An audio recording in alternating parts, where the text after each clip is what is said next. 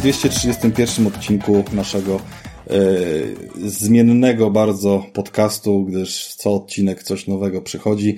Tym odcinku zmieniamy mój mikrofon, więc e, jeżeli się zastanawialiście, czyj to głos i, i po tych wszystkich e, setkach odcinków przyzwyczajenia, e, tak to z tej strony zasiada sobie Rafał, a ze mną będzie również kilku innych wspaniałych towarzyszy.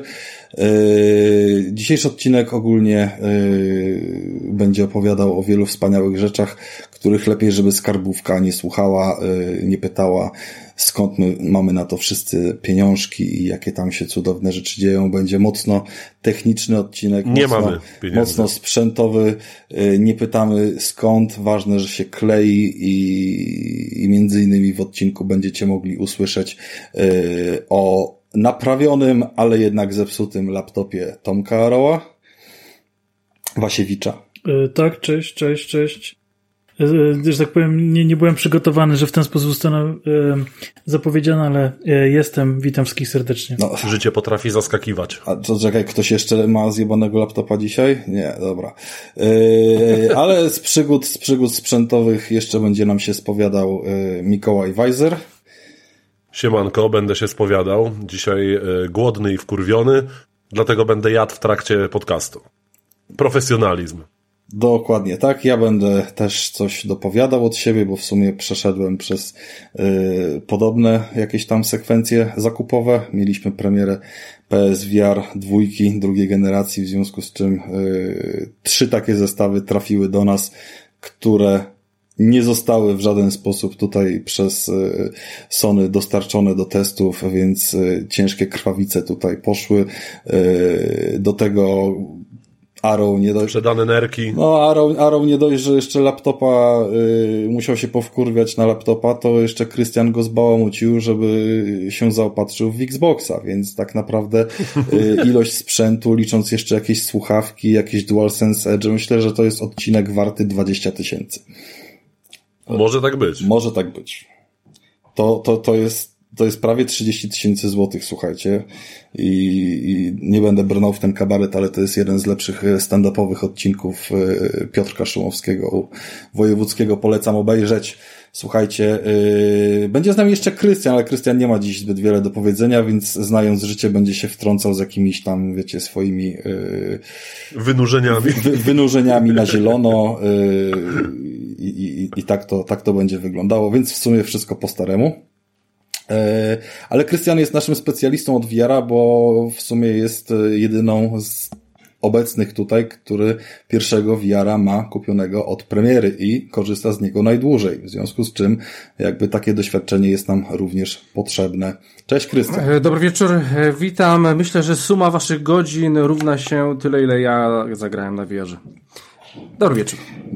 Może tak być, może tak nie być, bo jakby będę stawał tutaj w mocnej obronie, ale nieważne.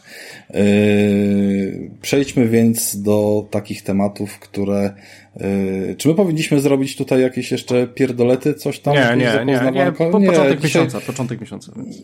Dzisiaj nic nie robimy, więc słuchajcie, początek marca, czuć wiosnę za oknem, ma być minus 15 jeszcze za chwilę, więc yy, prze, przejdźmy po prostu do konkretów i, i zastanówmy się, czy cokolwiek z tych pieniędzy, które gdzieś tam się zostawia w tych marketach, puszcza do tych ogromnych korporacji, czy warto, czy jest sens, czy, czy, czy to przynosi jakieś yy, w ogóle wymierne korzyści.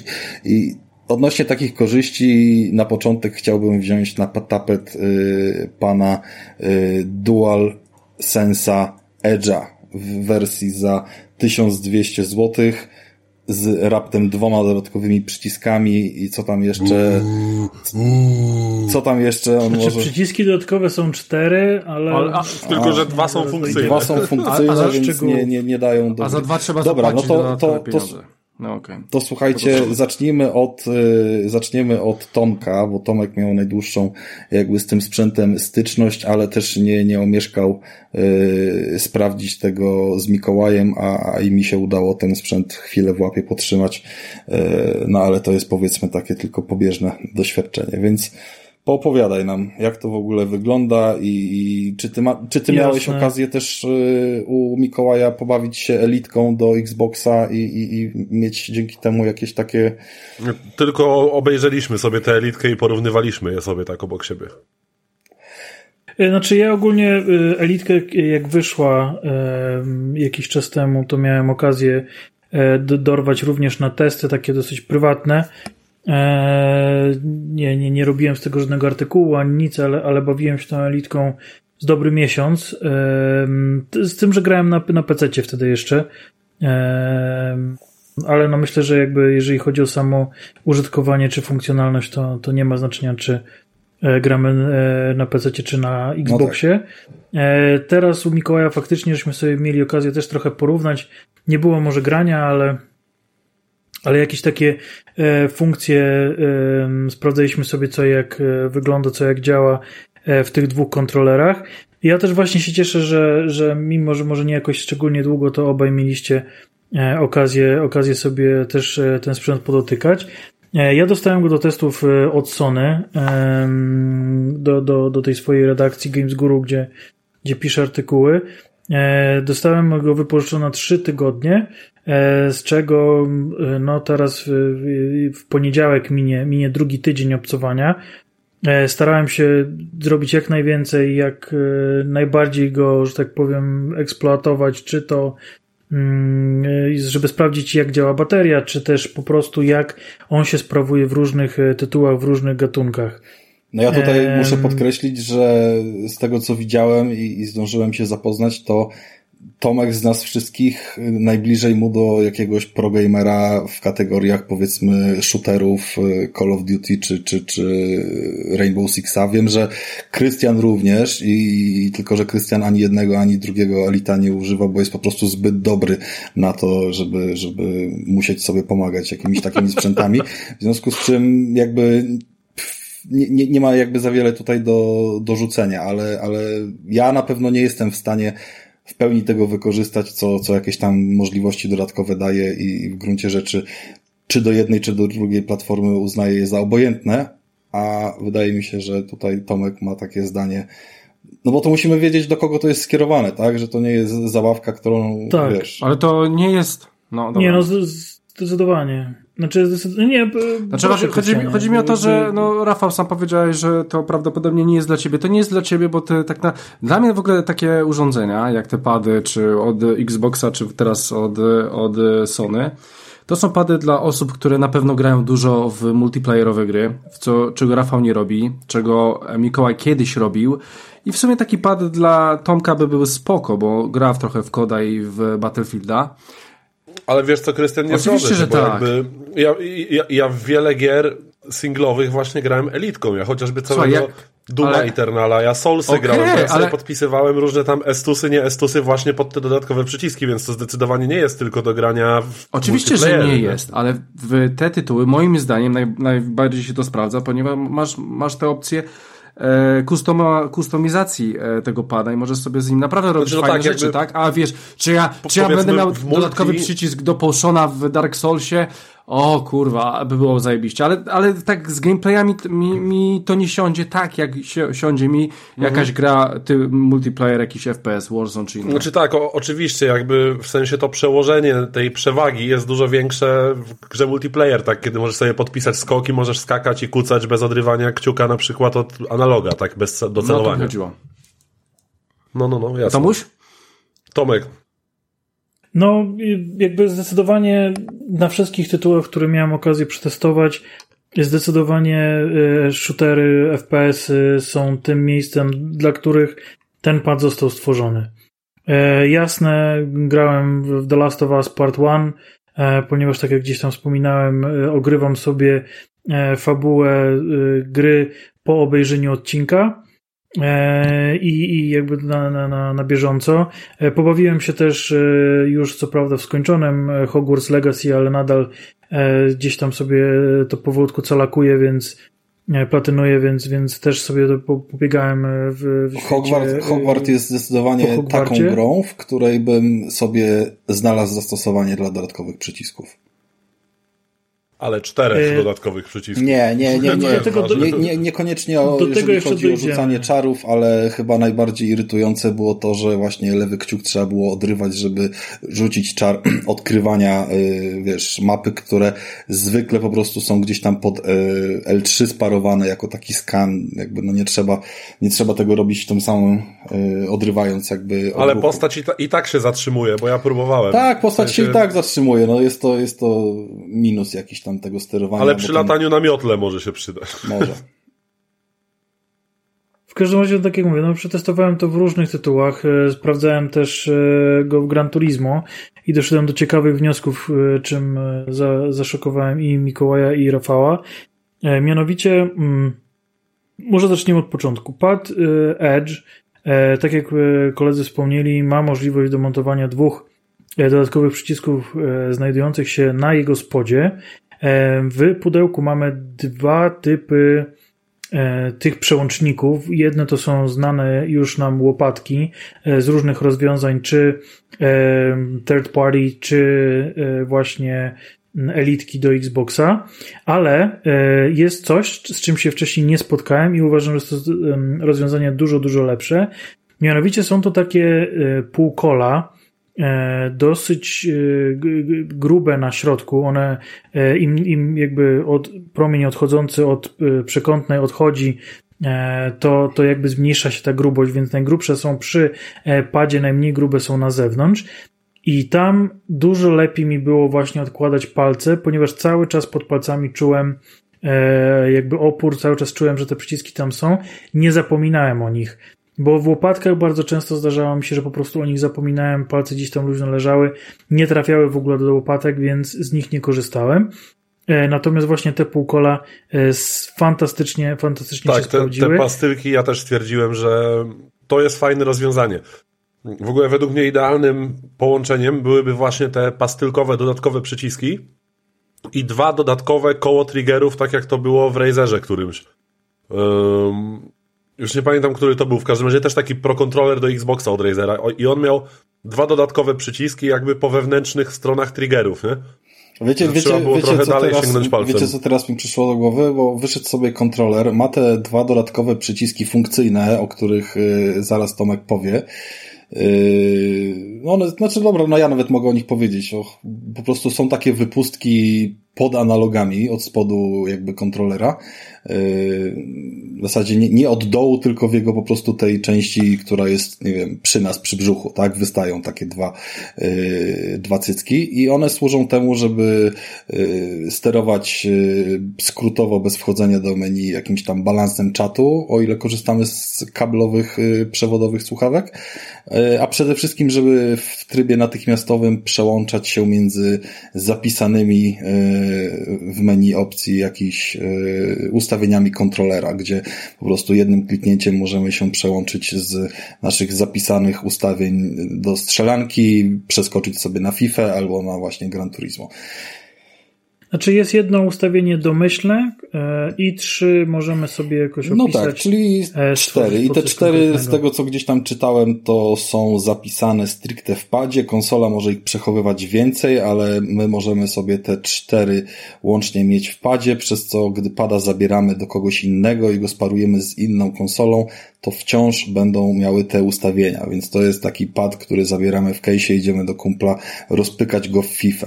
Yy, Okej, okay, pewnie tam się też dzieje tak na jakichś, wiecie, eventach czy coś, to, to, to, to ma sens.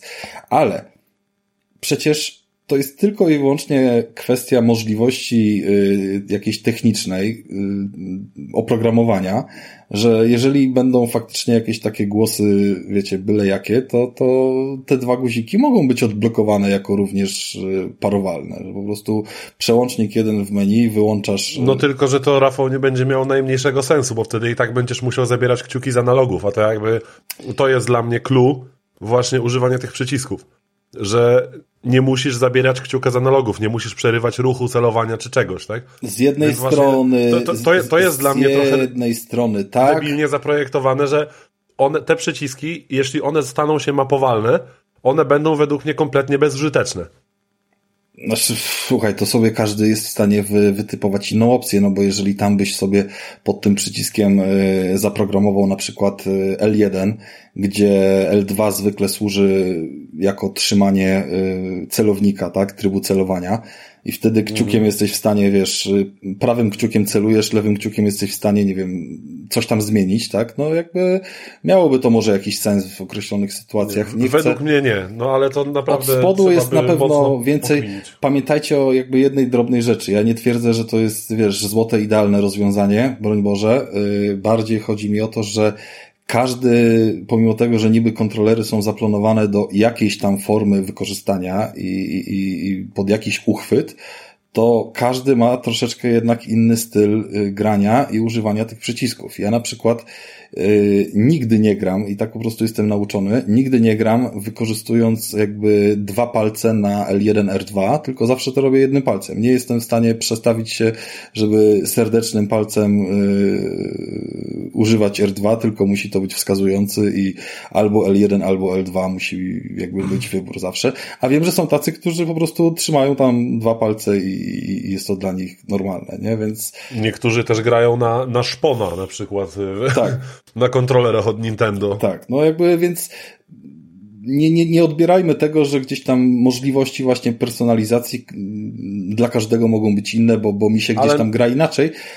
Ale nie, no, nadal uważam, że to jest po prostu kiepskie rozwiązanie, bo jakby znakomita większość dodatkowych przycisków jest, za, jest robiona tak, żebyś mógł ich używać palcami poza kciukiem, tak? Tak. I, i to jest właśnie dla mnie trochę mm, bezsensowny po prostu taki, taka ślepa uliczka jakby w tym projekcie tego kontrolera. Których jest swoją znaczy, no, drogą no, dużo sobie więcej. po prostu nie? tak to wymyślili, nie? Oni sobie tak to po prostu wymyślili, tak. że, że nie na zasadzie może kiedyś to odblokujemy, jak się ludzie zaczną pruć, tylko e, one służą do tego. I e, te, jakby to zadanie, do których one zostały zaprojektowane, moim zdaniem, że spełniają fantastycznie. Co więcej, ja się nie zgodzę z Mikołajem, bo uważam, że ja bym sobie świetnie poradził, gdyby mi dali możliwość obłożenia tych przycisków. Ja bym sobie świetnie poradził i do nich e, kciukami sięgał, e, bo są tytuły, w których te kciuki na tych analogach nie są aż tak super potrzebne. Natomiast fajnie by było można mm, obłożyć te przyciski. Więc tak jak że tak powiem, troszkę wracając, mamy dwa przyciski z dołu, e, te takie łopatkowe, e, które możemy sobie e, podpiąć pod dowolny inny przycisk na padzie oraz te dwa funkcyjne z lewej i z prawej. One się niczym nie różnią, są po prostu dla Was do wyboru, który Wam tam lepiej leży, mm, ale działają dokładnie tak samo i pełnią tę samą funkcję. Zresztą one są też napisane, opisane jako FN, z czym e, pewnie nieraz spotkali się użytkownicy laptopów, kiedy e, właśnie przy przycisku FN e, mamy jakąś kolejną funkcję tutaj możliwą do wyboru. Tutaj jakby tego nie ma, czyli że jakby nie możemy zrobić czegoś, co Mikołaj opisywał, że jest w elitce, czyli przyciskając FN mamy jakby dostęp do jeszcze drugiej jakby wersji każdego z przycisku. Tutaj tak, tak nie działa. Ten FN po prostu jest jako function. Tak, w, w Elitce to jest rozwiązane tak, że jeden przycisk możesz sobie wybrać jako shift po prostu, nie? Czyli de facto możesz mieć sześć dodatkowych przycisków, bo jeden podpisujesz sobie jako shift i przytrzymując go, te trzy pozostałe mają takie funkcje, jakie sobie do nich przypisałeś po, po użyciu tej funkcji, tak? Tego shifta. I to, I to jest też spoko. To jest kolejna jakby przewaga tego kontrolera.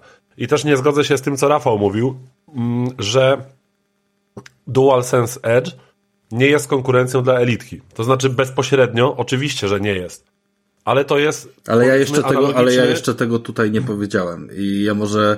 Ale ja, ja nawiązuję do tego, co mówiłeś y, ja, na, na prywatnej grupie. No, naszej, dlatego to ja, ja to powtórzę. Ty możesz się z tym nie zgodzić i to zaraz skomentujesz, ale ja, ja powtórzę po prostu, żeby słuchacze wiedzieli, jaki gdzieś tam, yy, no, no, no, co myślałem, tak? Mhm. Jeżeli jestem graczem i rozważam granie na playce w jakieś tytuły multiplatformowe, no to mam do wyboru Edge'a w tym momencie oraz ze trzy co najmniej y, rozwiązania y, firm third party, które na szczęście nie są blokowane i działają bezprzewodowo. Taki Razer jest tam, jest e, Aim Controllers i, i jeszcze jakaś tam e, inna firma i to są różne opcje. Jedne bardziej przypominają kontrolery z PS4, inne z PS5.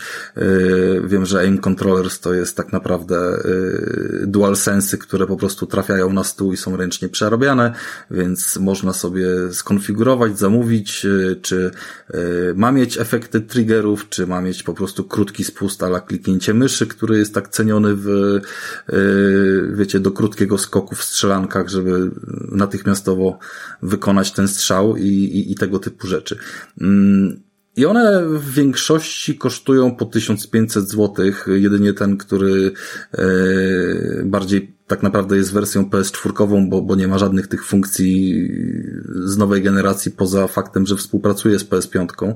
Eee, to wszystkie kosztują 1500 zł i mając te opcje do wyboru, które się sprzedają, każda z firm się utrzymuje, każda z firm się zdecydowała wprowadzić coś takiego na rynek.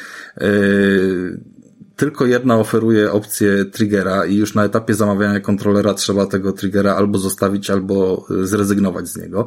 Owszem, są tam opcje y, od spodu przycisków w czterech, y, jakby w ilości czterech sztuk, bo taki gdzieś tam się przyjął przez lata standard rynkowy, z którego Sony się jakby poszło pod prąd i wrzuciło tylko dwa. No ale jakby nie patrzeć, to dla nich Edge jest konkurencją. I nie można powiedzieć, że którykolwiek z tych czterech padów uczciwie jest najlepszy, bo uważam, że każda z nich, y, każda z tych opcji ma swoje mocniejsze strony tu czy tam i po prostu to jest kwestia indywidualnej decyzji wśród czterech kontrolerów o jakichś tam zbliżonych opcjach, gdzie jakąś tam na przykład y, dużym argumentem jest to, że DualSense te triggery pozwala albo zblokować na krótkim skoku, albo na średnim skoku, albo odblokować i wtedy one działają tak jak w zwykłym DualSense, że są regulowane przez grę, co uważam, że jest zachowaniem jakby tej jego ogromnej wartości jednocześnie z opcją przełączenia się na inny tryb. I, i takiego rozwiązania na przykład nie oferuje żaden konkurencyjny kontroler, niezależnie od tego, ile by tam nie miał innych y, cudownych zalet, więc to jest kwestia wyboru. I to, że Xbox ma jakiegoś sprawdzonego elita od kilku lat, którego gdzieś tam robi i, i, i on jak najbardziej jest fajnym, porządnym kontrolerem, szczególnie na tle podstawowego uważam, że y, jest świetny. Ja w ogóle nie potrzebuję funkcji elity, ale ja go kupię po prostu kiedyś tylko i wyłącznie po to, bo ciszej działa i, i zwyczajnie to jest jakby ta argumentacja. No tak, nie ma tych klików. Tak, ale jakby my to możemy rozpatrywać, ale ja wciąż rozpatrując to, że Elite może być lepszym kontrolerem, obiektywnie, bo ma, nie wiem, więcej łopatek i dłużej trzyma na baterii, tak, yy, to nic mi nie daje, biorąc pod uwagę, że ja jednak no przykładowo jestem... wiadomo, że dla, dla, gracza playki typowego, gdzie ktoś ma jedną konsolę, tak jak Ale ja mam dwie. Powiedzmy. Ja dalej mam dwie, ale większość gram tam, i jakby swojego czasu spędzam po prostu zwyczajnie z wyboru, więc nawet posiadanie tego lepszego wyboru nie przekona mnie do tego, że jakby no, no mogę przyznać rację, że jest lepiej to i to rozwiązane, ale nic mi to nie daje. Nawet jeżeli on jest mhm. dwa razy tańszy, nie? Dlatego uważam, że tego nie, nie można no, rozpatrywać rozumiem, jako konkurencję, rozumiem. taką bezpośrednią. Jak najbardziej, czaję, czaję o co ci chodzi.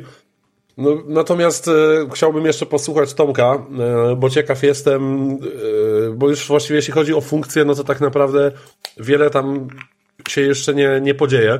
Możemy, znaczy warto wspomnieć o tym, że. No niech Tomek dokończy cały opis. Analogii, no, niech Tomek dokończy opis, bo tak naprawdę na przyciskach funkcyjnych i tych z tyłu skończyliśmy, a jest co najmniej jeszcze kilka rzeczy. No dawaj, jedziesz Tomek. Tak, no jeżeli chodzi o, o dodatkowe rzeczy, to mamy kontrolę mechaniczną e, długości spustu jednego i drugiego. Możemy e, ustalić to e, niezależnie, znaczy różną, inną mieć na, na lewym, a inną na prawym. Dla każdego są trzy poziomy. I jest to znacząca różnica w przypadku takiego spustu pełnego, czy, czy skróconego do połowy, czy zupełnie krótkiego. E, I tutaj właśnie e, dochodzi do tej kontrowersji, którą, którą powiedziałem. Mianowicie w Gran Turismo jeździło mi się dużo lepiej na krótkim spuście niż na długim spuście.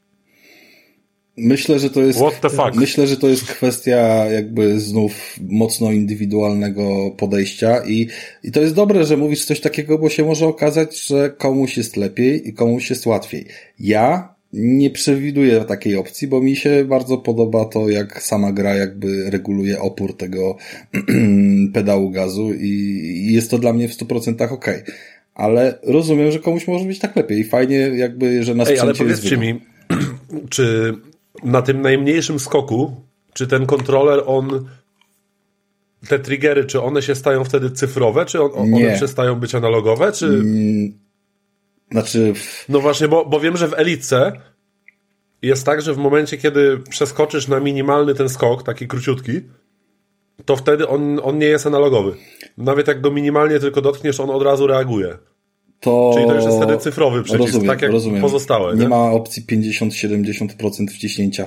To tego nie wiem. Wiem, że sam skok jest dłuższy niż e, przy rozwiązaniach konkurencji czy to elitki, czy to mhm. tych e, Tak, tak, tak, jest tak głębszy. Nawet jest na tym głębszy niż, skróceniu. Niż no. kliknięcie myszką tak zwane, nie? Czyli gdzieś tam to dalej jest milimetr dwa, yy, powiedzmy, jeżeli to ma dla kogoś znaczenie. Ale czy on zachowuje analogowość czy cyfrowość? Nie wiem, wydaje mi się, że... Wydaje mi... Ja bym powiedział, że jest analogowy. Nie, nie, nie mam jakby e, pewności, nie sprawdzałem tego sam, natomiast... No ale mówisz, że jeździsz na krótkim, czy na, na krótkim, czy na średnim? Na krótkim. A czy jest, jeżdżąc na krótkim jesteś w stanie jechać na pół gazu? Jestem. A, no tak. to znaczy, że jest no analogowy. jakby mamy tak. odpowiedź na pytanie. Easy. Easy. Dobra, Tomek. E, co, więc e, więc mamy jakby te, te, te dwie, dwie opcje e, ustawień, no i um, możemy jeszcze rozebrać jakby przód e, i wymienić całą gałkę. E, jest na takim wyjeżdżającym module, więc możemy go sobie wymienić. Nawet w pudełku jest miejsce na dodatkowy taki moduł grzybka, tak zwany zapasowy. który możemy sobie tak dokupić i gdzieś tam ze sobą wozić, jeżeli była taka potrzeba. I oprócz tego znajdują się jeszcze e, cztery e, grzybki, bo e, domyślnie jest, jest to takie samo rozwiązanie jak w DualSense'ach, czyli ten taki jakby wklęśnięty, wklęśnięta obudówka grzybka, natomiast są dwie podwie e, pełne, e, zaokrąglone jakby do góry e, jedna jest krótka, a druga jest dłuższa, aczkolwiek porównywaliśmy z elitką i nawet ta dłuższa nie jest tak długa jak długa gałka w elicie, więc... Tak, tak, tak. A w ogóle tutaj też y, pojawił się pierwszy zgrzyt, jeśli chodzi o rozwiązania tego Edge'a. No nie wiem, czy pamiętasz, że na początku po pierwsze nie tak łatwo nam się udało zdjąć tę obudówkę z przodu. No, no, a po drugie, znaczy, tak, ale, ale to było tylko ten jeden raz u ciebie. Tylko ten jeden raz no, u ciebie. Ale dobra, ale dalej. Bawiłem się dzisiaj w domu i, i, od, i odchodziło zupełnie, zupełnie Spoko, lekko, no to może to był przypadek po prostu. Ja to zdjąłem też bez problemu dalej, no. Dalej y, chodzi o zdejmowanie grzybków. My nie bardzo na początku wiedzieliśmy, czy mamy go mocniej pociągnąć, czy coś. Ja w pierwszej chwili myślałem, że ty ułamałeś tego kurwa grzybka, jak go wyciągnąłeś tutaj u mnie, w sensie do, do, do góry, żeby wymienić po prostu Nie, ale on ma zwykły nie? zatrzask, to, to jakby ja rozumiem, no. że instrukcji mężczyźni nie czytają obsługi, ale to, to gdzieś tam... Tak, tak, ale wiesz, chodzi o to, że znowu, porównania do elitki.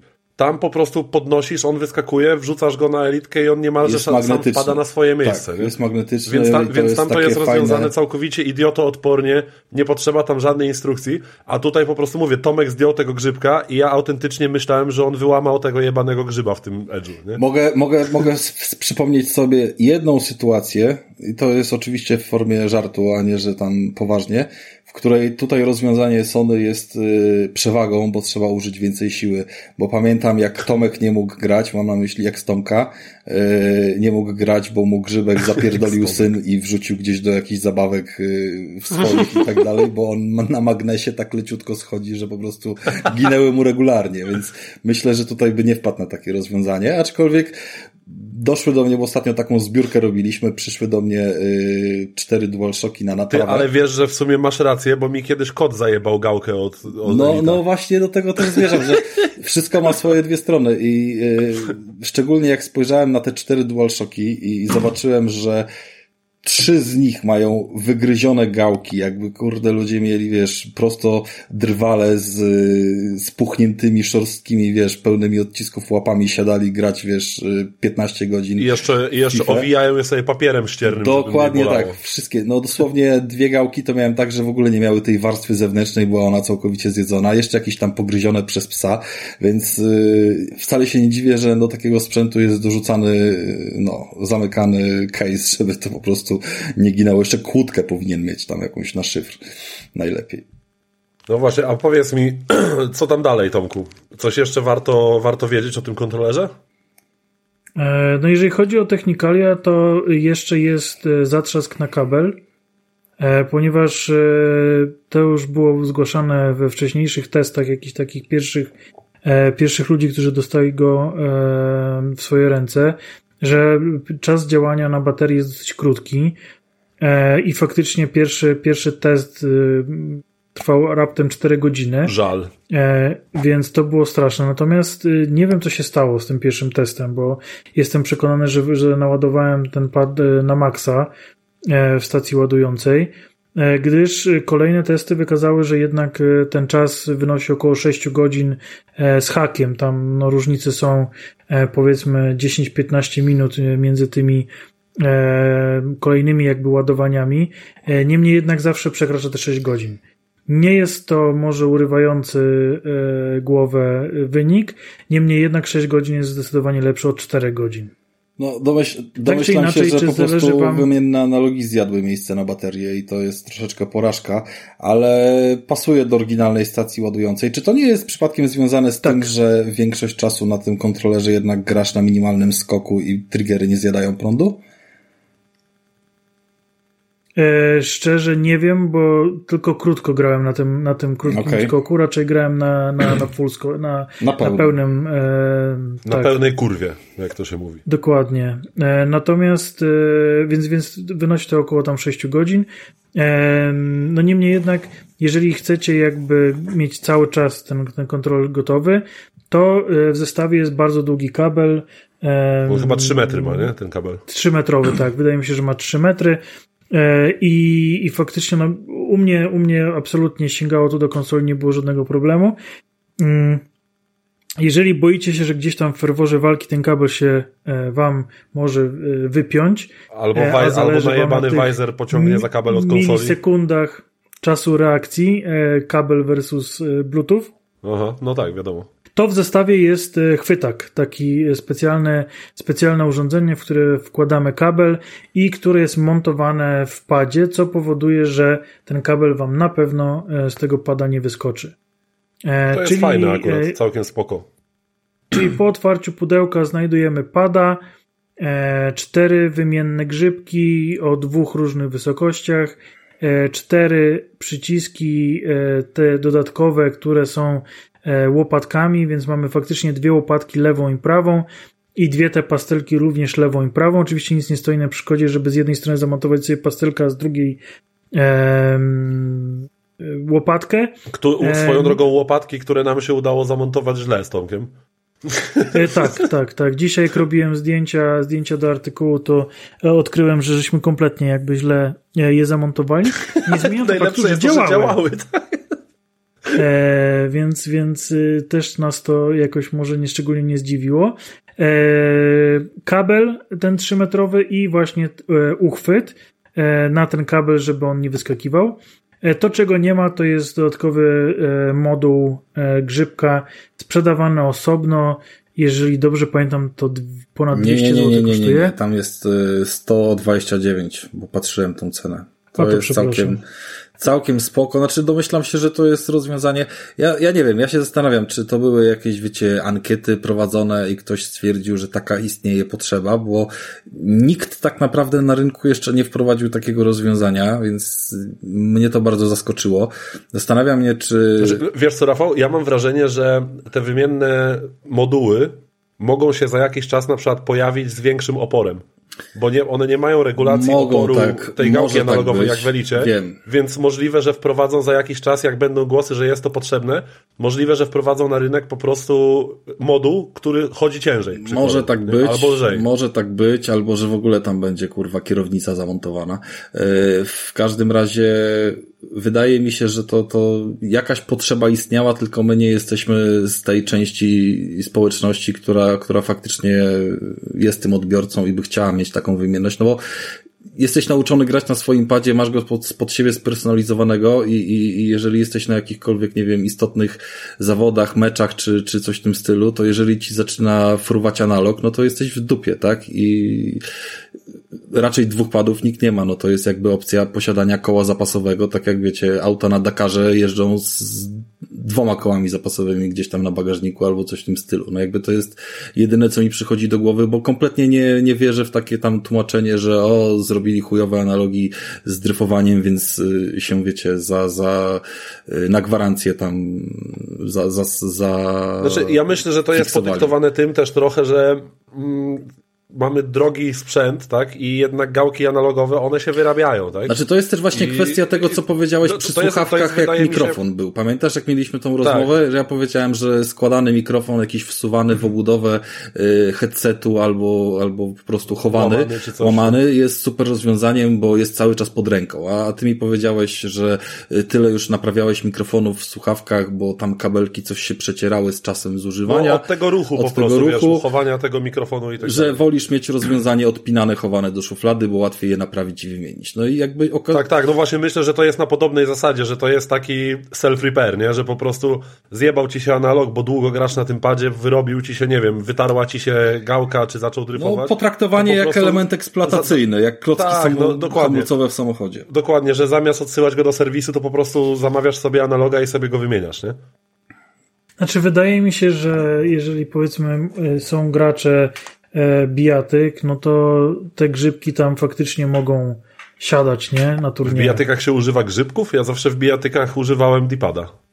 No bo nie grałeś Street Fightera, mój drogi. A, A no to jednak prawda, Street Fighter jest takim tytułem najbardziej, wydaje mi się, esportowym. Okej. Przynajmniej tak jak ja jeżdżę, ja jeżdżę po, po tych wydarzeniach różnych, to e, zawsze największe i emocje i publikę zbiera właśnie Street Fighter. No, jeżeli, dobra, jeżeli A jest, się kręci grzybem równo. No dobra, Tomek, a y, to dalej, dalej. Jeśli chodzi o wykonanie pada, może teraz coś powiedz. E, tak, no jeszcze warto wspomnieć o tym, że e, jest poprawiony gładzik, e, czy tam touchpad, czy ten wielki duży, e, jak zwał, tak zwał. I on jest naprawdę dużo dokładniejszy. E, Bawiłem się tym zwłaszcza w Hogwarts Legacy, gdzie tam e, trochę tych różnych opcji jest i tam można sobie faktycznie tym gładzikiem jeździć jak myszką. E, I było to e, dla mnie bardzo dokładne, fajne, ale jest to bajer, który wydaje mi się, że w większości jakby przypadkach no nie, nikt, nikt Ale nie- akurat nie tam odkryje, że właśnie zastanawiałem się, czy to było kwestia zaprogramowania gry, czy tego touchpada. Ale pamiętasz, ja ci mówiłem, że ja mam z tym problem trochę. Tak, Że, tak, jak, tak, tak. że to działa nie tak, że tak, ten tego. kursor na, na ekranie, on pojawia się tam, gdzie ty jakby analogicznie klikniesz, znaczy dotkniesz tego touchpada. Czyli jak ja jadę sobie na przykład w prawy górny róg i nie dojadę do tego kursorem, do tego prawego górnego rogu, bo skończył mi się touchpad i przen- przenoszę palec, jakby cofam go kawałek, żeby dojechać dalej, to cofa się też kursor i on się pojawia w tym miejscu, gdzie dotknę touchpad. I się ani, zastanawiam, ani była razu, kwestia, ani razu, to- słuchajcie, przechodząc grę nie skorzystałem z tego touchpada jako z myszki, no ale jakby wiem, wiemy, że on jest, dobra. No tak. Mm, czy tam Ale są, tak, czy jeśli tam, chodzi o wykonanie, to ten touchpad jest dużo ładniejszy. On jest fajny, bo tam się pojawiły te symbole PlayStation. On jest ładnie wykonany. tam symbole się chyba Natomiast- nawet na spustach pojawiły, tak mi się wydaje. Tak, tak. Natomiast ja mam problem, ja mam problem, że szczerze mówiąc ten pad nie zrobił na mnie jakiegoś wrażenia specjalnego. Bo w momencie jak wyciągałem na przykład, znowu porównanie, jak wyciągnąłem z opakowania sama, samo pudełko od Elitki i jak ona jest wykonana, to od razu na mnie zrobiło wrażenie, że ja wiedziałem, że trzymam dojebanego pada w ręce. A tutaj to jest taki jakby, powiedzmy, DualSense ubrany w ładniejszy garnitur, nie? I, I do tego ta cena. No jakby dla mnie... Znaczy mówię, to jest fajny kontroler. Obiektywnie to jest dobry, ładnie wykonany sprzęt, poza tym może takim chamskim, błyszczącym, palcującym się plastikiem z przodu, tym wie, wiecie. Mi się też nie podoba analogu. ten plastik. No to tanio wygląda strasznie. I, i mówię. I... Znaczy, moim zdaniem miał, to miał być, ten plastik miał być takim y, dotykiem trochę z, złota, nie? Że to jest taki W podstawowej wersji masz y, matowy, a tutaj będzie błyszczący, więc jest lepszy i droższy. Tak, że to, że to premium. No, tak. Może i tak. Mm, znaczy ja ogólnie nie jestem fanem kolorystyki tego pada, bo wolę jak są białe przyciski na białym tle i spójne jakby z tą kolorystyką niż takie kontrasty na siłę wrzucone. I, i, I przy tym jakby będę obstawał niezależnie czy chodzi o pady Xboxowe czy, czy playkowe, że po prostu im mniej kontrastu, tym, tym się to ładniej spina. Mm, natomiast jako całość Cieszy mnie to, że on zachowuje jakby swoją oryginalną sprawność z akcesoriami, że właśnie sobie go możesz korzystać. Ostatnio, bo mówiłem wam o tym, że chcę y, sobie zrobić jednego z tych swoich DualSense'ów tuning po chińsku, nie? W sensie zamontować rozwiązania tych łopatek z tyłu czy przycisków dodatkowych y, właśnie po, poprzez y, jakieś tam modyfikacje tylnej ścianki, wlutowanie się w płytkę. Jest co najmniej znalazłem tam trzy różne takie a, rozwiązania. A swoją drogą mam pytanie, czy wiecie, bo, bo ty masz te takie panele wymienne, nie? Do DualSense, mm -hmm. co mi je chciałeś mm wysłać nawet. Yy, no czy one, one pasują do Edge'a? Nie, to jest całkiem inny system, dlatego że w, Edge, a, bo w Edge'u tego klipsa z tyłu. W Edge'u jest tylko okay. środek i masz clips, a w zwykłym DualSense one aha, zachodzą aha. ci na sam koniec uchwytów i okay, tam się racja, masz rację, tak, tak, tak. To jest mhm. zupełnie co innego. Natomiast yy, ciekawostka, jeżeli te tylne panele z przyciskami kosztują powiedzmy około 200 zł, e, mniej lub więcej, zależnie od tego, która wersja e, wychodzi, to jest to tylko jedna z modyfikacji, którą y, przeprowadzamy i nawet jeżeli będzie ona wygodna i tam ma jakieś tryby, wiecie, y, mapowania przycisków albo autofire wczytane w swój układ scalony, bo oczywiście w samej konsoli nie ma wtedy żadnych y, możliwości czegokolwiek ustawiania, jak to jest sztukowane, to ta narośl, która z tyłu się robi na ściance, na obudowie, Yy, zaczyna przeszkadzać w ładowaniu pada i dodatkowym akcesorium, które trzeba sobie z Chin zakupić jest yy, modyfikacja do stacji ładującej DualSense'a, żeby po prostu się on mieścił wtedy z tą tylną ścianką. To ostatnio dopiero wypatrzyłem, mówiłem już o tym Arłowi, więc yy, już się robi z tego koszt dodatkowych jakichś tam 60 zł czy, czy iluś i, i to tak rośnie, rośnie, nie? Bo jeżeli jeszcze byś chciał sobie z pusta przerobić, to kolejne 80 zł, żeby tam wybrać coś i wiesz, i, i dalej masz tak naprawdę złożone z chińskich klocków mm, wynalazek. No ale w niższej cenie, co by nie było. No i właśnie, dochodzimy do tej ważnej kwestii w tym kontrolerze, czyli jego cena. Pierwsze znaczy, to... to... Zanim może, to czekaj, czekaj, no, no czekaj, no, Miki, bo jeszcze zanim jeszcze do ceny, to jedna rzecz trzeba dodać, tak? Ten e, kontroler e, po podłączeniu do, do konsoli PlayStation e, za pomocą dołączonego kabla się oczywiście paruje, potem już można sobie cały czas grać bezprzewodowo. Natomiast w opcjach konsoli pojawia się nowe menu przeznaczone dla niego.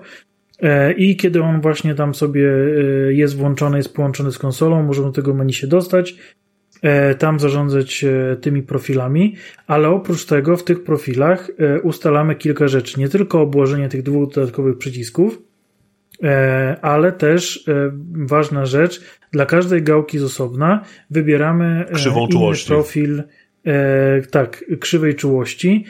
Jest kilka, pięć bodajże pre, predefiniowanych, zaraz się upewnię, predefiniowanych tych raz, dwa, trzy, cztery, pięć, sześć czy jeden jest ten podstawowy, czyli płaska linia, e, krzywa nawet, e, a później już są różne e, przeznaczone do, do konkretnych czynności, więc łącznie jest jakby tych sześć tych krzywych. I dla każdej tej krzywej jeszcze możemy dodatkowo ją spłaszczy, wypłaszczyć lub jakby, jakby zwiększyć, rozszerzyć. I oprócz tego jeszcze możemy dodać martwą strefę e, dla, dla gałki, więc ustalamy to osobno dla lewej i dla prawej, dzięki czemu w jakby poruszaniu się lewą gałką może mieć zupełnie inny system niż w celowaniu prawą gałką. Tutaj też konsola, znaczy nie konsola, tylko bardziej menu te, te, tego pada podpowiada, który z tych profili nadaje się bardziej do czego. Ja testowałem głównie strzelanki, E, trzy profile są opisane jako e, nadające się, e, pasujące idealnie do strzelanek. Jest taki tryb precyzyjny, w którym bardzo jakby powoli się ten kursor na, na ekranie przesuwa w zależności od tego, jak tym grzybkiem majstrujemy. Ja natomiast najbardziej lubiłem dynamic, dynamiczny tryb, w którym, w którym jakby mi najbardziej leżał, jeżeli chodzi o celowanie. Ja co prawda nie gram snajperkami, ja zazwyczaj E, na średnim dystansie strzelam z, z broni automatycznej, więc, więc to, to rozwiązanie mi najbardziej leżało, ale czuć było niesamowicie różnice między tymi profilami. Testowałem je wszystkie, testowałem też je w różnych grach, jak wspomniałem The Last of Us Part 1 e, oraz e, Hogwarts Legacy. Latałem na miotle na tych różnych właśnie ustawieniach naprawdę pod tym względem byłem niesamowicie e, zajarany i pod wrażeniem tego, co tutaj zostało przygotowane. E, Mikołaj mi pokazywał, że w Elitce jest podobna, e, podobna jakby zmiana tej czułości. Jest dokładnie to samo, tylko że nie jest tak fajnie opisana grzybka. jak w tym menu Edge'a. Tam masz po prostu do wyboru, ale nie masz powiedziane, jak to tak naprawdę wykorzystać. A tutaj to jest fajne, że jak ktoś nie orientuje się aż tak bardzo, a chce w tym pogrzebać, może sobie właśnie przeczytać ten, ten opis i to, i to dużo daje według mnie, że właśnie mówią, gdzie to najlepiej wykorzystać. Zwłaszcza jeżeli jest to ktoś, kto właśnie dopiero zaczyna karierę z tego typu sprzętem. No tak. E, i, I mówiąc szczerze, tak zastanawiam się trochę, e, czy nie jest tak, że takie oprogramowanie mogłoby trafić również do naszych DualSense'ów. Bo jeśli tak, to jest to, y, bo będziemy teraz już kierować się w stronę ceny, jest to coś, za co ja bym był skłonny zapłacić. Nawet jakaś płatna aktualizacja czy coś. Tak, bo ja rozumiem, że to jest jakiś tam dodatkowy kod, ktoś nad tym pracował i tak dalej.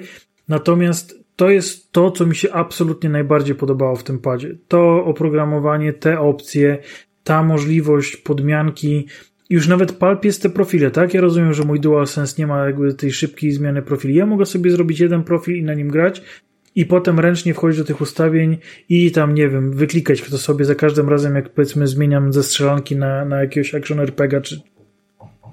Nie ma problemu. Natomiast e, natomiast to oprogramowanie bardzo, bardzo chciałbym zobaczyć e, w zwykłym DualSense. Oczywiście to się najpewniej nie wydarzy, e, znając, znając podejście Sony do tego typu rzeczy ale to jest coś, za co ja naprawdę byłbym skłonny w tym padzie e, zapłacić ekstra kasę. To powiedz, powiedz możemy, odnośnie tak tej ceny, Mikołaj tych zaczynał, 1200 zł. Yy... Tak, no dobrze, no, chciałem dać Mikołajowi powiedzieć, bo, bo on się tutaj wyrywa do tej ceny, ale znaczy, ja, ja się też, ja się też chodzi... wyrywam, ale też e, chcę zwrócić uwagę na dwie małe rzeczy, bo mm, pewne rzeczy się zmieniają y, i zmienia się też coś takiego jak y, kurs walut i, i zmienia się coś takiego jak wartość pieniądza.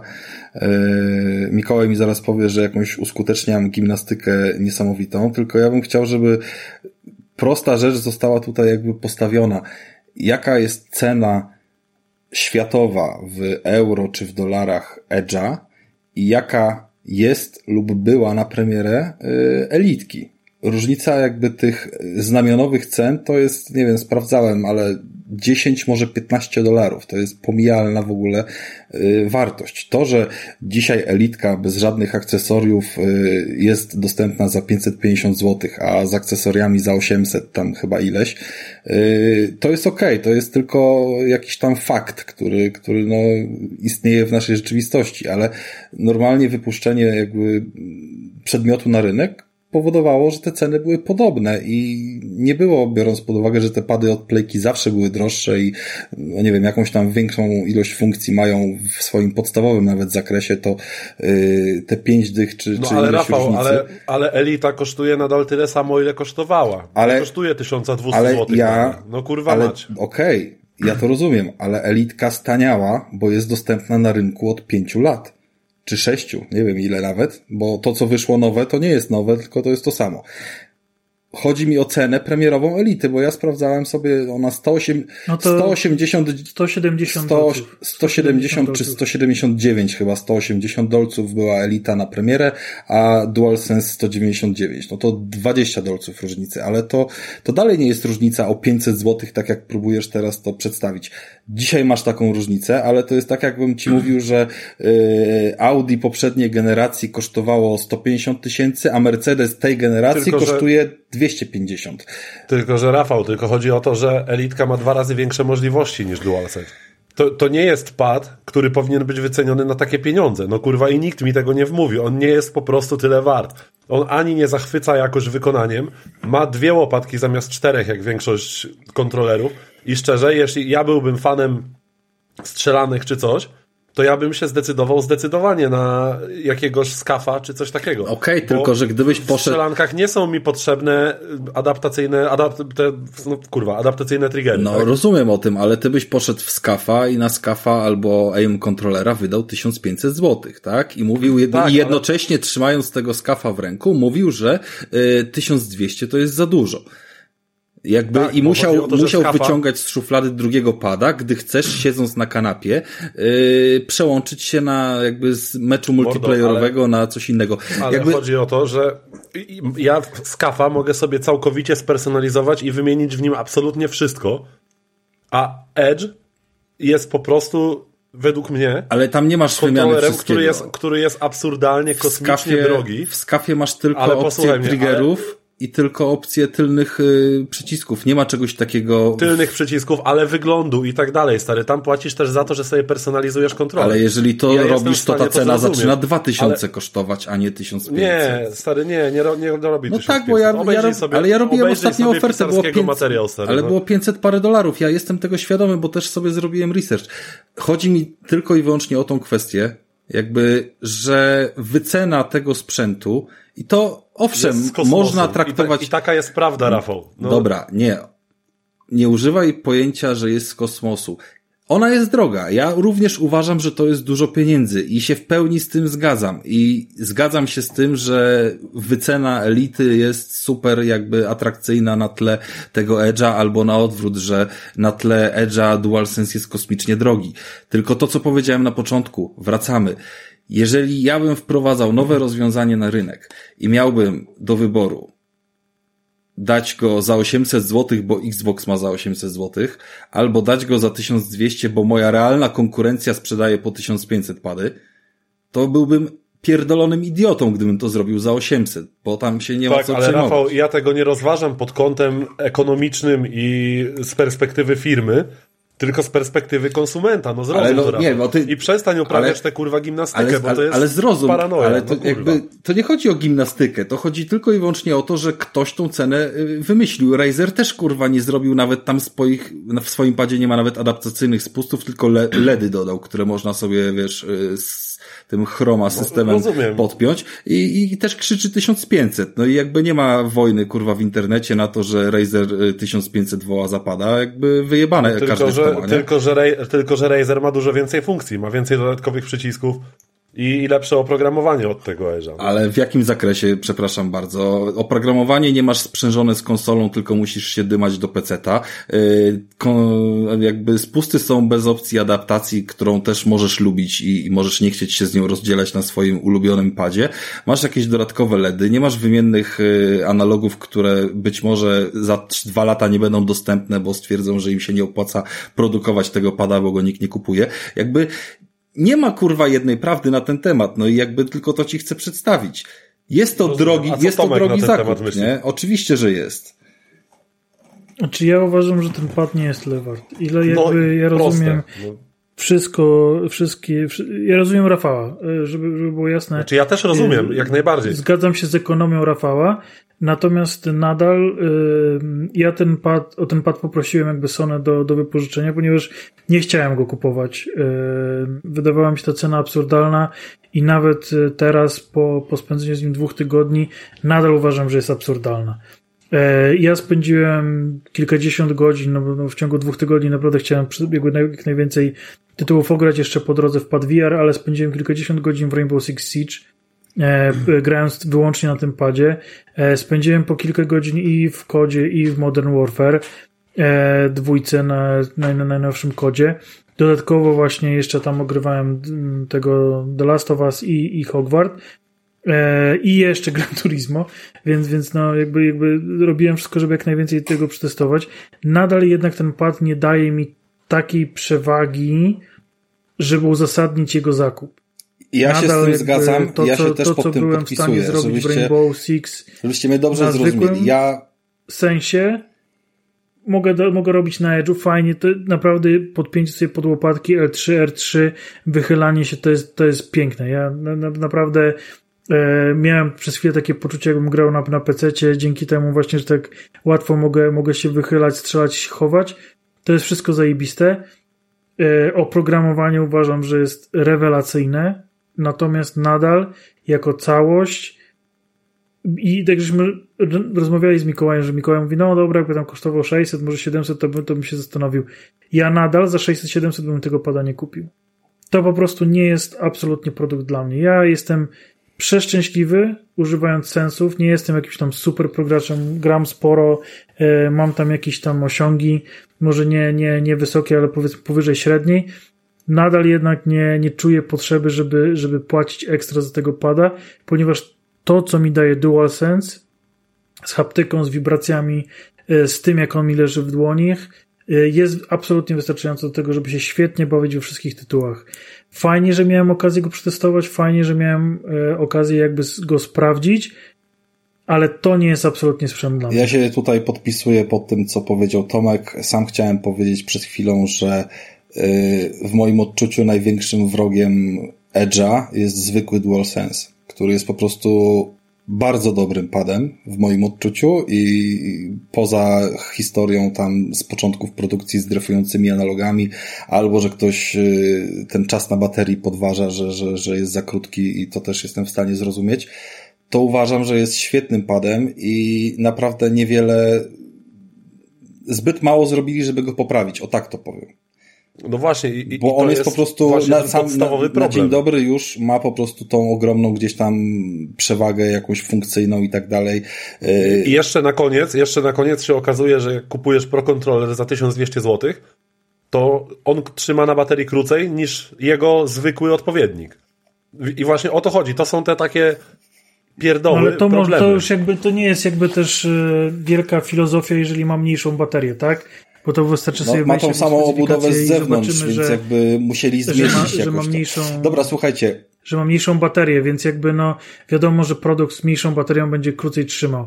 E, prawdopodobnie nie chcieli jakby ingerować w, znaną obudowę i nie chcieli jakoś jej drastycznie zmieniać na tyle, żeby e, uzasadnić znaczy, No tak, bo jest baterii. bardzo wygodna oczywiście i wiadomo, Nadal że zmiana kształtu kontrolera to by niosła za sobą dużo większe tam jakieś konsekwencje powiedzmy. Tak? Dostajecie 3-metrowy kabel e, plus ten uchwyt na to, żeby, żeby jakby ten kabel wam nie wypadł plus i tak, jeżeli jesteście prograczami, to i tak gracie po kablu żeby właśnie uszcząć te milisekundy czasu reakcji, więc e, więc albo jesteście casualami, którzy za 1200 chcą się poczuć jak prosy, albo jesteście prosami i tak gracie na kablu. To prawda. Ja, więc, e, ja, ja powiem tylko, że różnica między Edge'em a DualSense'em jest bardzo mała w kontekście funkcji wszystkich, które omówiliśmy. One oczywiście są, istnieją, dla kogoś mogą być bardzo ważne, ale w Edge'u dostajemy dużo więcej, bo cały kontroler czuć, że jest dużo lepszy.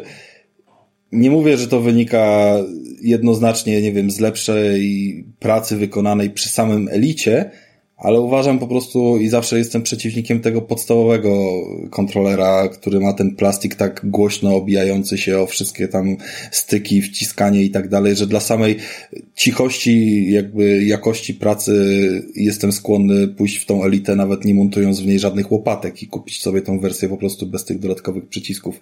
I tym płynnym przejściem chciałbym wywołać tutaj z powrotem Tomka, ponieważ wspomnieliśmy sobie, że Tomek dorobił się czarnego pudełka z zielonym wykończeniem. E, w związku z powyższym może nam powiedzieć, czy po tych krótkich spojrzeniach, skoro nie kupi Edge'a, to kupi Elite? Jak, Może Krystian się teraz obudzi i się odezwie. Jak, no, y, to, to jest wywiad przeprowadzany przez Krystiana. Krystiana wywołuje jak najbardziej. Ja idę odpocząć, y, Mikołaj idzie zjeść sushi, a Tomek nam powie, jakiego pierwsze 5 minut z Xboxem, z którym się wcześniej tak bardzo nie lubił. To jest nieprawda. Od razu chciałbym, chciałbym powiedzieć, że to nie jest, że ja się nie lubiłem. E, po prostu ja się bardzo lubiłem z PlayStation i ja nigdy jakby nie, dopóki nie poznałem Krystiana, nie hejtowałem Xboxa. Słuchajcie, piękna rzecz. Ja przepraszam bardzo, że ja się tak wtrącam, ale ja to muszę powiedzieć. Ostatnio Tomek napisał nam, że y, jakaś tam przyszła informacja, jakieś newsy sobie komentujemy. Przyszedł news, y, który był o czym? Y, o Baldur's Gate'cie? Dobrze kojarzę? Tak, tak news o tak, Baldur's tak. Gate, że tam jakiś jest problem z wydaniem gry na Xboxa, mhm. że ona nie wyjdzie. Znaczy dokładnie, dokładnie chodzi o to, że możesz, może powiedzmy jak już Opowiedz podcastem o grach, że e, że chodzi o um, tryb. E, ja chciałem tylko powiedzieć, że Krystiana aktualnie wyjebało z Discorda. Możesz teraz mówić, co chcesz, kurwa, jedziesz. To jest twoje pięć minut. Mikołaj, przyznaj się, nie słuchacie. Baldur's Gate 3, e, jako że jest e, jakby też spadkobiercą technologicznym e, serii Divinity, będzie miał możliwość grania na jednej kanapie. Na PlayStation Super to działało. Przyszli, tam grę we dwójkę calusieńką od początku do końca i bardzo się cieszę na to, że, że Baldur właśnie trafi na, na, na playkę w dniu premiery i będzie ten koop. I właśnie gruchnęła wiadomość, że o tak, gracze na PC, nawet na Macu yy, i na PlayStation będą mogli skorzystać yy, właśnie z, z dobrodziejstw Baldur's Gate, a Xboxy nie. I tak normalnie byłoby mi smutno, bo Baldur's Gate to jest jedna z miłości mojego dzieciństwa i, i, i uważam, że wszyscy powinni mieć możliwość grania. Ale właśnie y, jak tak słucham Krystiana, to, to gdzieś tam taka myśl, taki diabełek mi się pojawił w głowie, że ho, ho, ho, ho, Xbox taki zajebisty, a Baldura nie będzie miał. E, chodzi oczywiście, tak jak już e, gdzieś tam próbowałem się przebić z tą informacją, właśnie o to, o to, że ten e, koopowy tryb jest trudny do implementacji dla tego konkretnego studia deweloperskiego na Xboxie i to po prostu potrwa trochę dłużej. Nie ma tu mowy o jakiejś ekskluzywności, o jakichś pieniądzach jest to zwykły technologiczny problem, który e, studio chce e, naprawić czy wprowadzić zanim gra zostanie wydana na Xboxie i jak tylko się uporają z tym, z tą technologią, to gra na Xboxa zawita. Czyli to jest takie sprostowanie po, po prostu.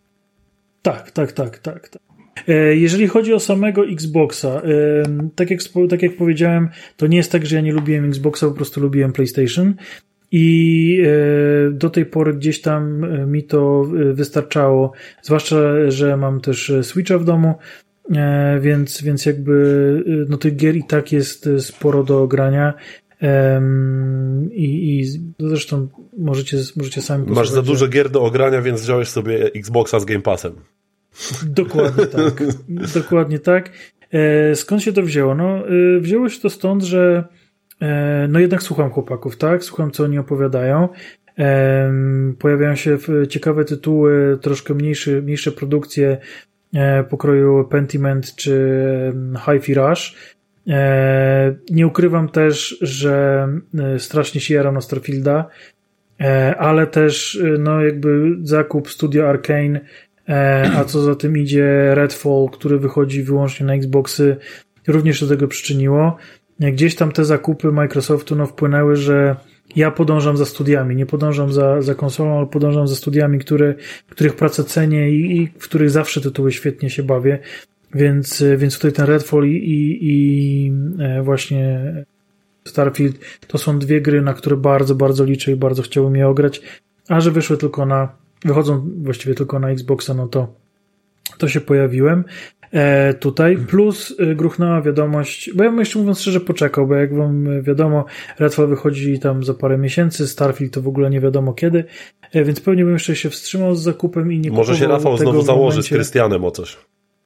E, nie, nie kupował tego w momencie, kiedy e, dopiero co kupiłem PlayStation VR, e, gdzie również kupiłem parę gier do przejścia, ale no gruchnęła wiadomość, że te Xboxy mają iść w górę e, i pomyślałem, że, że, że sobie kupię, a jeszcze była opcja, e, pojawiła się opcja, bo długo jej nie było, przynajmniej ja nie, nie widziałem, żeby była dostępna e, tego, tej, tej opcji, gdzie braliście Xboxa z Game Passem e, za tam stówkę z, z hakiem miesięcznie, e, więc, więc postanowiłem, że to jest dobry moment, żeby sobie tego Xboxa nabyć.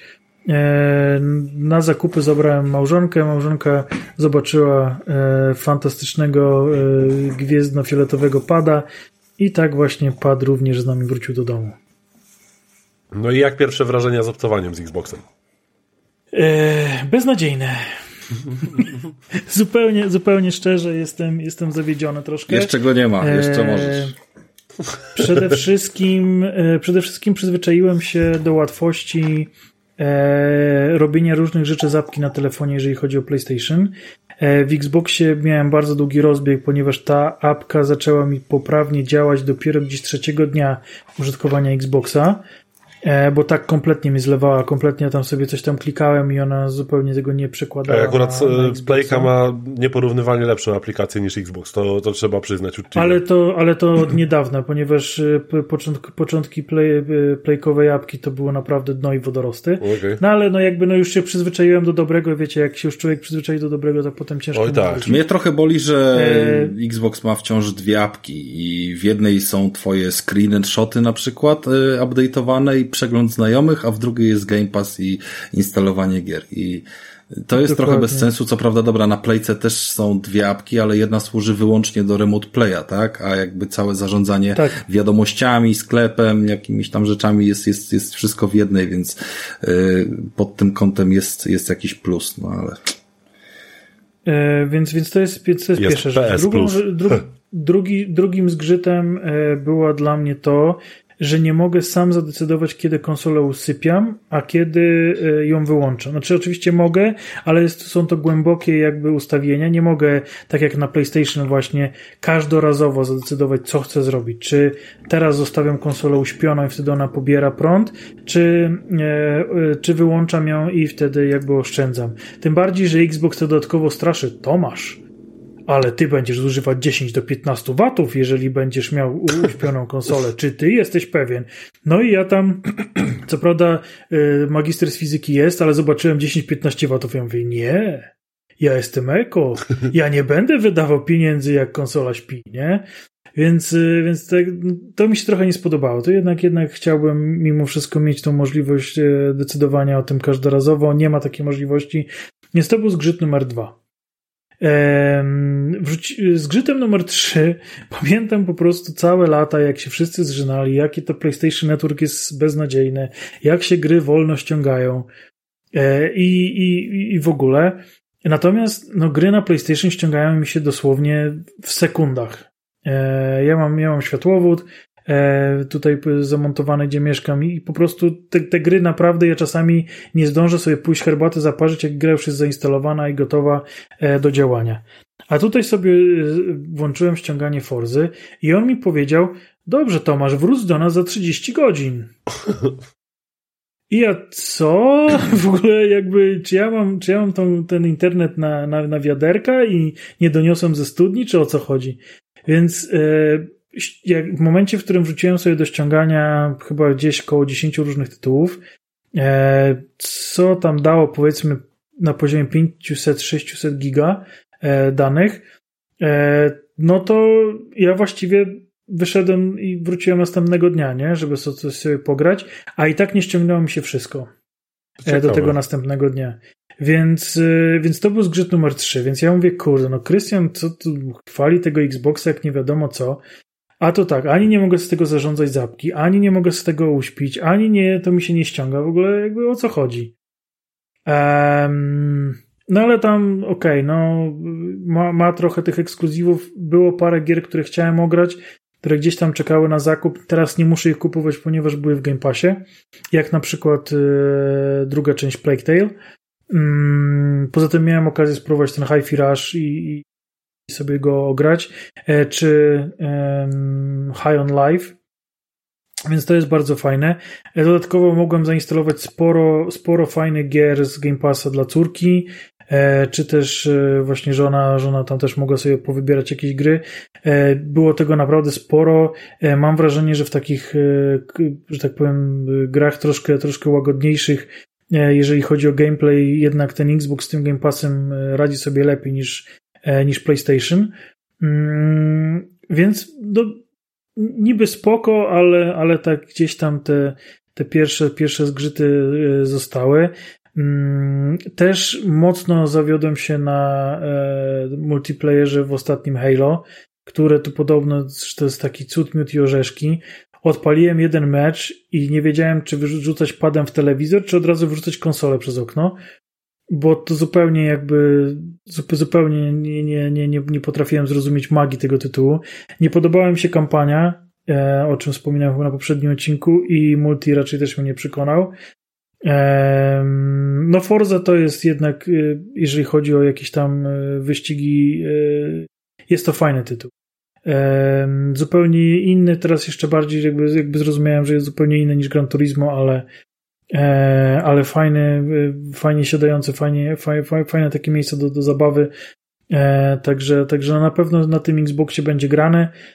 Tym bardziej, że tutaj już ex Tomek namawia nas na Sons of the Forest, jak tylko wyjdzie na, na, na konsoli, więc pewnie coś tam będziemy śmigać. Ja tutaj właśnie już chłopaków nastawiam na, na Redfall, czyli Wampirzy Coop, więc, więc będzie, będzie grane. Tomek, Tomek, Tomek. Sea of Thieves. Ale... To jest, to jest ekskluzyw Microsoftu. Jak dla mnie, najbardziej niedoceniony, jeden z najlepszych eksów Microsoftu, jeśli mam być szczery. Serio. Muszę... Ja nie bardzo lubię pływać, nie? Muszę cię zgarnąć ale, ale na pokład no... i tak i nie pierdol. Dobrze. Dobrze, dobrze. Spijesz mnie rumem, no. stawisz w jakimś porcie. I, I wykorzystam gdzieś tam pod pokładem. Tak to się kończy, tak to się kończy. Także takie, takie są moje pierwsze wrażenia z Xbox. Dobrze, że Krystiana nie ma chwilowo. No i szczerze mówiąc, powiem tylko tyle, że ja co prawda obydwie konsole brałem na premierę, ale z bardzo jestem zaskoczony z tego wszystkiego, no bo problemy z aplikacją to, to, to ewidentnie wynikały tam z jakichś ustawień, tylko smród pozostał, tak, ale gdzieś tam po prostu ustawienia tej zdalnej obsługi w Xboxie yy, mo, można... Mo... Yy, ale jakby ja nic nie zrobiłem. Nic no nie właśnie, Ona właśnie może dlatego, po trzech dniach zaczęła może działać. dlatego, no, no, no, ciężko stwierdzić. Ja nie miałem z tym problemów, ale, ale było to jakieś tam kiepskie doświadczenie. Yy, mi bez problemu działa i to jakby też z wyborem, co ma być instalowane na której konsoli i, i w gruncie rzeczy oni pierwsi byli yy, wprowadzając takie rozwiązania ze zdalnym zarządzaniem, wliczając w to usuwanie gier z dysku, jeżeli brakuje miejsca. Oczywiście, jeżeli konsola jest w trybie uśpienia. Mm, natomiast nie wiem o co chodzi, jeżeli mówimy o pobieraniu, bo Microsoft przecież ma taką moc, jeżeli chodzi o serwery, Xclouda i wszystkie jakby tam swoje usługi, które robi, a nigdy nie wyciągał mi takich y, prędkości pobierania i nie wyłączyli tej funkcji, tylko po prostu dodali dodatkowy przycisk, który informuje, że blokada jest aktywna, jeżeli mamy włączoną jakąś grę, y, choćby nawet w tle, która nam blokuje wtedy prędkość pobierania na jakiejś tam śmiesznej wartości 50 megabitów. Y, ja byłem... Ale chciałbym zaznaczyć, że ja niczego Ja wiem, ja, ja, nie, ja nie mówię, ja nie mówię, że ty zrobiłeś do, źle, do to jest bardziej wspomnienie, wiesz, też daty premiery, bo my byliśmy tym mocno zaskoczeni, biorąc tę konsolę na, na premierę z Ekstomkiem i z Krystianem, e, że właśnie wiesz, pierwsza gra pobrana i, i trzeba było czekać, nie można było niczego włączyć w tle, bo to pobieranie po prostu spadało do takiej wartości, że do rana by się nic kolejnego nie pobrało, nie? I, i faktycznie się robi wtedy problem, bo, bo, bo jest, wiesz, pierwszy dzień i chciałbyś po prostu zarwać nockę, a, a nie możesz w nic zagrać, bo jeżeli masz włączoną grę, to kolejna gra już się nie pobiera. No, szczególnie jakby mając dostęp dostęp do takiej ilości, która gdzieś tam jest w Game Passie, to jest upierdliwe. I ja byłem przekonany, że to jest jakieś y, zabezpieczenie serwerów przed po prostu ogromną premierą, bo wszyscy wiedzieli, że będzie na rynku od razu kilka milionów konsol, y, które swoje terabajty dysków będą chciały zapełnić. I, i to było totalnie zrozumiałe. Ale dlaczego to nie zostało jakby po dwóch latach jakby cofnięte? Przecież no oni mają tą moc, która to ogarniała. Jeżeli Sony jest w stanie y, ze swoimi tam wszystkimi nowymi abonamentami zadbać o to, żeby te gry się pobierały szybko i nie było z tym problemu, nawet nie wiem, w dzień premiery, no to jakby, nie wiem, to jest jakaś, jakaś dziura, bo mamy cyfryzację, mamy game passy, mamy to wszystko i prędkość pobierania powinna być maksymalna na każdym możliwym jakby, w każdej możliwej sytuacji. No i jakby tyle w sumie w temacie. No a skoro już to sobie powiedzieliśmy i skoro wrócił do nas Krystian, czy to prawda, że Krystian do nas wrócił? Tak, wrócił. Podobno. Podobno wrócił. Podobno wrócił. Dobrze, że cię nie było chwilę, słuchaj. Krystian, chciałeś powiedzieć nam y, dzisiaj coś o jakimś y, deku albo o jakiejś aferce z PlayStation albo coś innego masz? Czy wpadłeś posłuchać? No mogę powiedzieć, e, Bo tak, ja jestem to znaczy, ciekawy, ja jestem, e, nie, już gadacie skończyliśmy same- właśnie wątek o Xboxie, gdy ci nie było, posłuchasz sobie, jak będziesz, Dobra, jak dobra, będziesz jasne, składał, okej, to sobie posłuchasz, a, a jasno, oczywiście, patrzcie, nie wierzy. Nie, nie, nie, bo mi Mikołaj by bronił, spokojnie. Ja go tu zostawiłem nie bez powodu. Eee, w takim razie, Znaczy nie, ja tu byłem bacznym obserwatorem i starałem się być bardzo obiektywny. no, bądź co bądź wszyscy, no jakby nie patrzeć, Znaczy, wszyscy mamy te Xboxy. Inna sprawa, inna sprawa, że ja owszem, ja po prostu od, y, od nie wiem, 15 lat to grałem na, na Xboxie, tak? Albo i nawet trochę dłużej, bo dopiero, tak zresztą jak dołączałem do podcastu, to, to wspominałem, że dopiero tak naprawdę niedawno się stosunkowo zaczęła moja przygoda z Playką.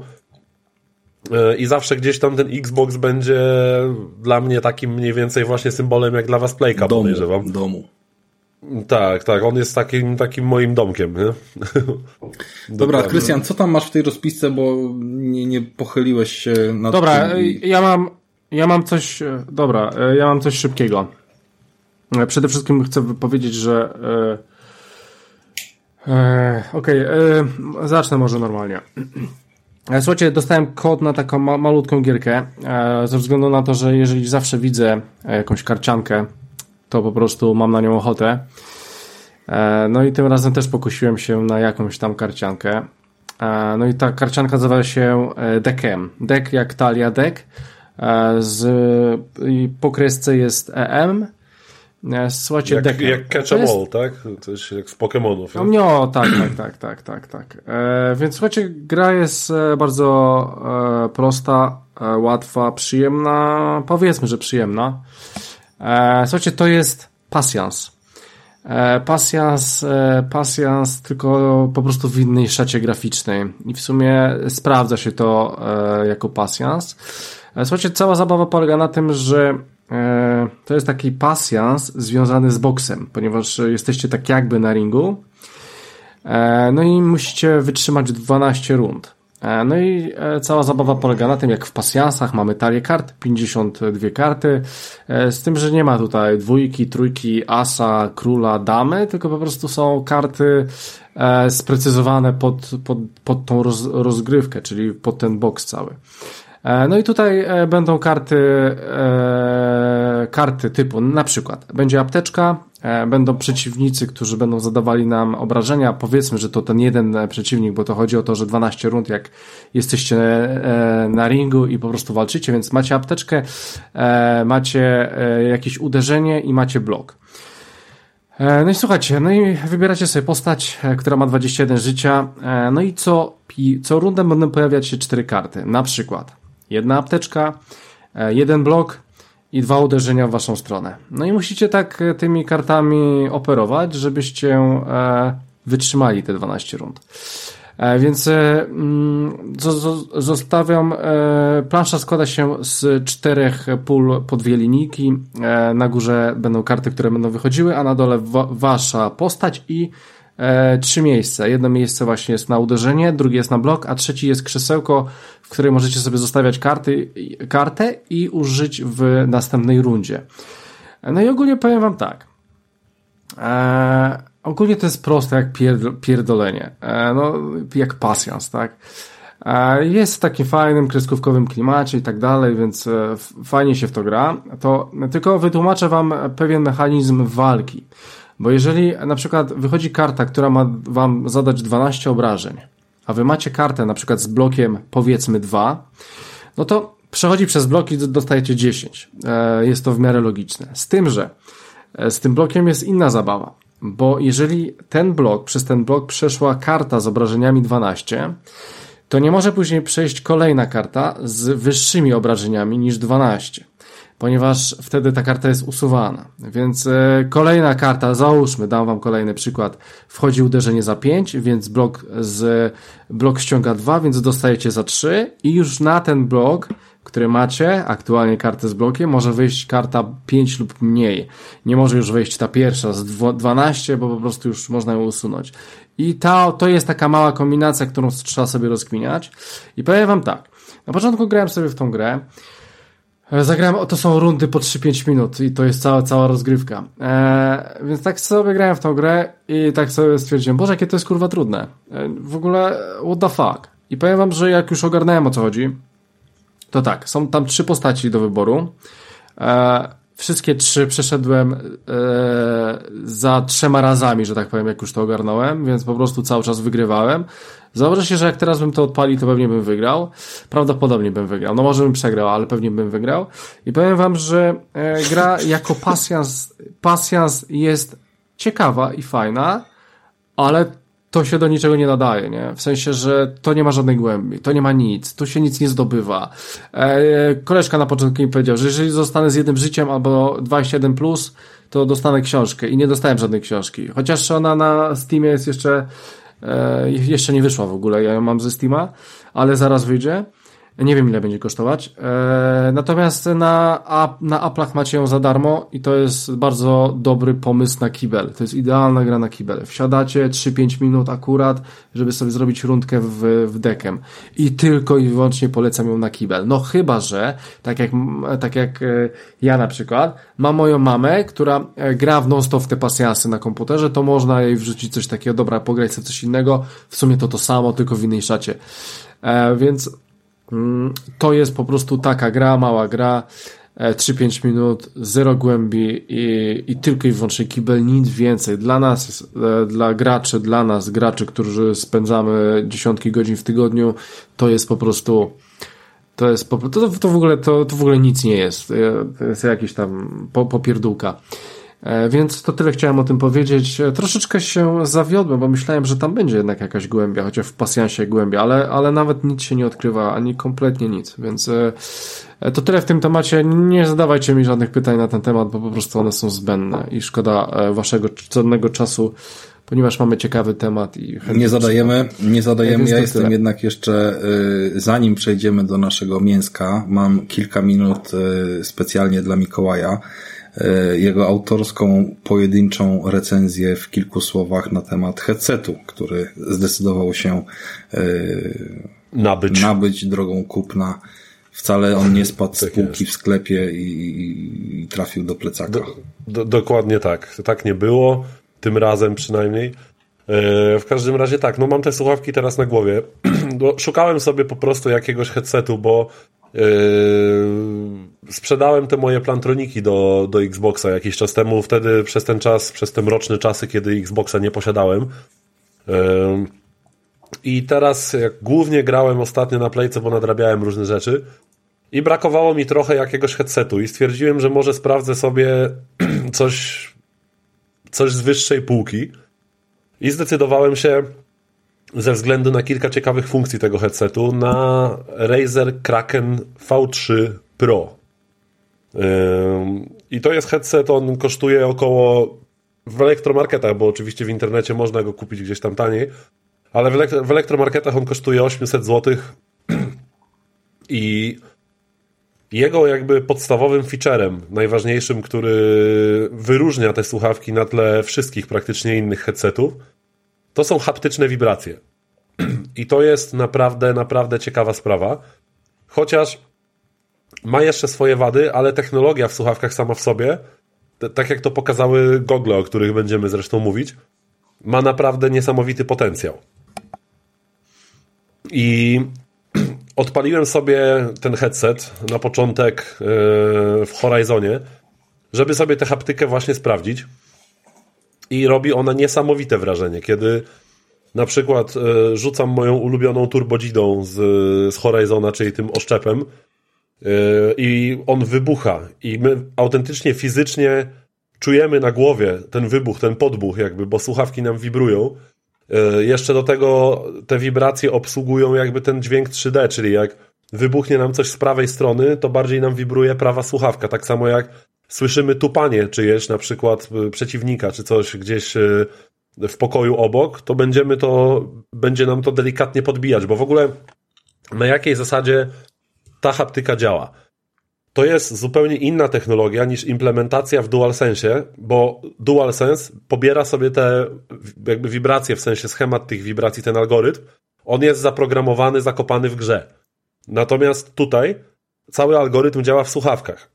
Więc to jest siłą rzeczy trochę niedoskonałe, bo kiedy ustawiłem sobie, bo, zaczynając w ogóle od tego, jak możemy sobie te wibracje uruchomić, mamy w prawej słuchawce e, taki jeden pojedynczy przycisk, bo cały panel sterowania jest w lewej, ale w prawej słuchawce mamy tylko ten pojedynczy przycisk do włączania bądź zwiększania intensywności tych wibracji. Mamy trzy poziomy plus wyłączenie ich. I kiedy ustawimy drugi albo trzeci poziom tej intensywności wibracji, to wtedy to podbicie zaczyna nam się pojawiać też w dialogach. I to się robi nieprzyjemne, bo tak jak wspomniałem, ale to nie, jest, to nie są wibracje. Na, na, na głowie. Tak, a, tak, a, tak. A weź tak, włącz te wibracje. A włączę w sumie. A nie, zaraz, bo one są teraz po kablu, więc są de facto wyłączone a... słuchawki, więc ja teraz nie mogę tych wibracji uruchomić. A nie ma tak, że możesz włączyć je i, i, i po prostu one zasilanie biorą wtedy żeby dawać lepszy dźwięk. A wiesz co, zobaczę w sumie, bo, yy, no bo tylko mogę was na chwilę zgubić, bo wtedy one mi się połączą pewnie z playką. No ale playka jest wyłączona. w sumie. No racja, z no goldami mi tak działało. Wiem, że po kablu można było używać ich chyba, tak mi się wydaje. Wiesz co, przytrzymuję, przytrzymuję przycisk i, i, i, i, i czekaj moment. Nie no, przytrzymuję przycisk i one widocznie jak jest włączony kabel, okay. to one mają po prostu zablokowaną możliwość włączenia ich jakby z zasilania. No dobra, a powiedz mi, czy próbowałeś to, to rozwiązanie też testować na przykład do oglądania jakichś filmów, seriali, nie tylko do gier? Czy, czy, czy to też może podbić e... trochę ci kino 5D zrobić tak, z tego? Tak, jak najbardziej. Yy, oglądałem, aczkolwiek yy, trzeba troszkę pokombinować, bo ja ustawiłem sobie najlepsze efekty. Miałem, kiedy ustawiłem wibrację na pierwszy poziom i głośniej rozkręciłem słuchawki. Y, I wtedy mniej właśnie one zbierały tego podbicia basu z głosów, z dialogów, za to genialnie podbijały wszelakie wystrzały, wybuchy, jakieś tam silniki samochodów, wiadomo, wszelakie takie bardziej charakterystyczne dźwięki osadzone gdzieś tam w tych niskich rejestrach. I to jest rewelacja jakby technologia jest naprawdę fajna, ale do dopracowania. Ma swoje, ma swoje mankamenty nadal. Ale tak, same słuchawki. Otwarcie pudła tych słuchawek to jest po prostu jak wsiadanie do nowo kupionego samochodu. One naprawdę, to nie jest jakiś chamski, cienki karton, tak jak co ja się zawsze śmieję z tych wytłoczek do jajek, w których plejka jest, jest pakowana na przykład. Ale po prostu samo odpakowanie tych słuchawek to już robi wrażenie. One są tak, robi wrażenie. Generalnie są zapakowane w bardzo ładną, taką sztywną piankę, nie w żadne wytłoczki. Tam jest ładna pianka, pudełko na, na magnesy, wszystko ładnie, ciasno włożone w tę w tę piankę. Słuchawki same po wyjęciu, no to bez większej przesady, to są najlepiej wykonane słuchawki, jakie kiedykolwiek miałem w rękach. Nie widziałem jeszcze headsetu, który miałby takie wykończenie na takim poziomie, z takim poziomem po prostu tych materiałów, tak, z taką jakością materiałów. Te wszystkie y, elementy z matowego metalu, y, z tej takiej eko skóry niby udawanej, to wszystko naprawdę sprawia wrażenie sprzętu spółki premium. I to jest zajebiste. Naprawdę słuchawki robią świetne wrażenie. I o dziwo y, nie denerwują mnie w nich diody, bo one mają y, taki okrągły, ażurowy ażurową taką nasadkę wokół muszli, a w środku mają szklane, pokryte szkłem logo, logo Razera, które po włączeniu świeci się diodą i pomalutku nam zmienia kolor, tak? Natomiast nie jest to tak nachalne jak w niektórych tych gamingowych sprzętach, które się świecą jak choinki, więc approved. E, co do samej jakości dźwięku. Do muzyki średnio, za to do gier i filmów bajka.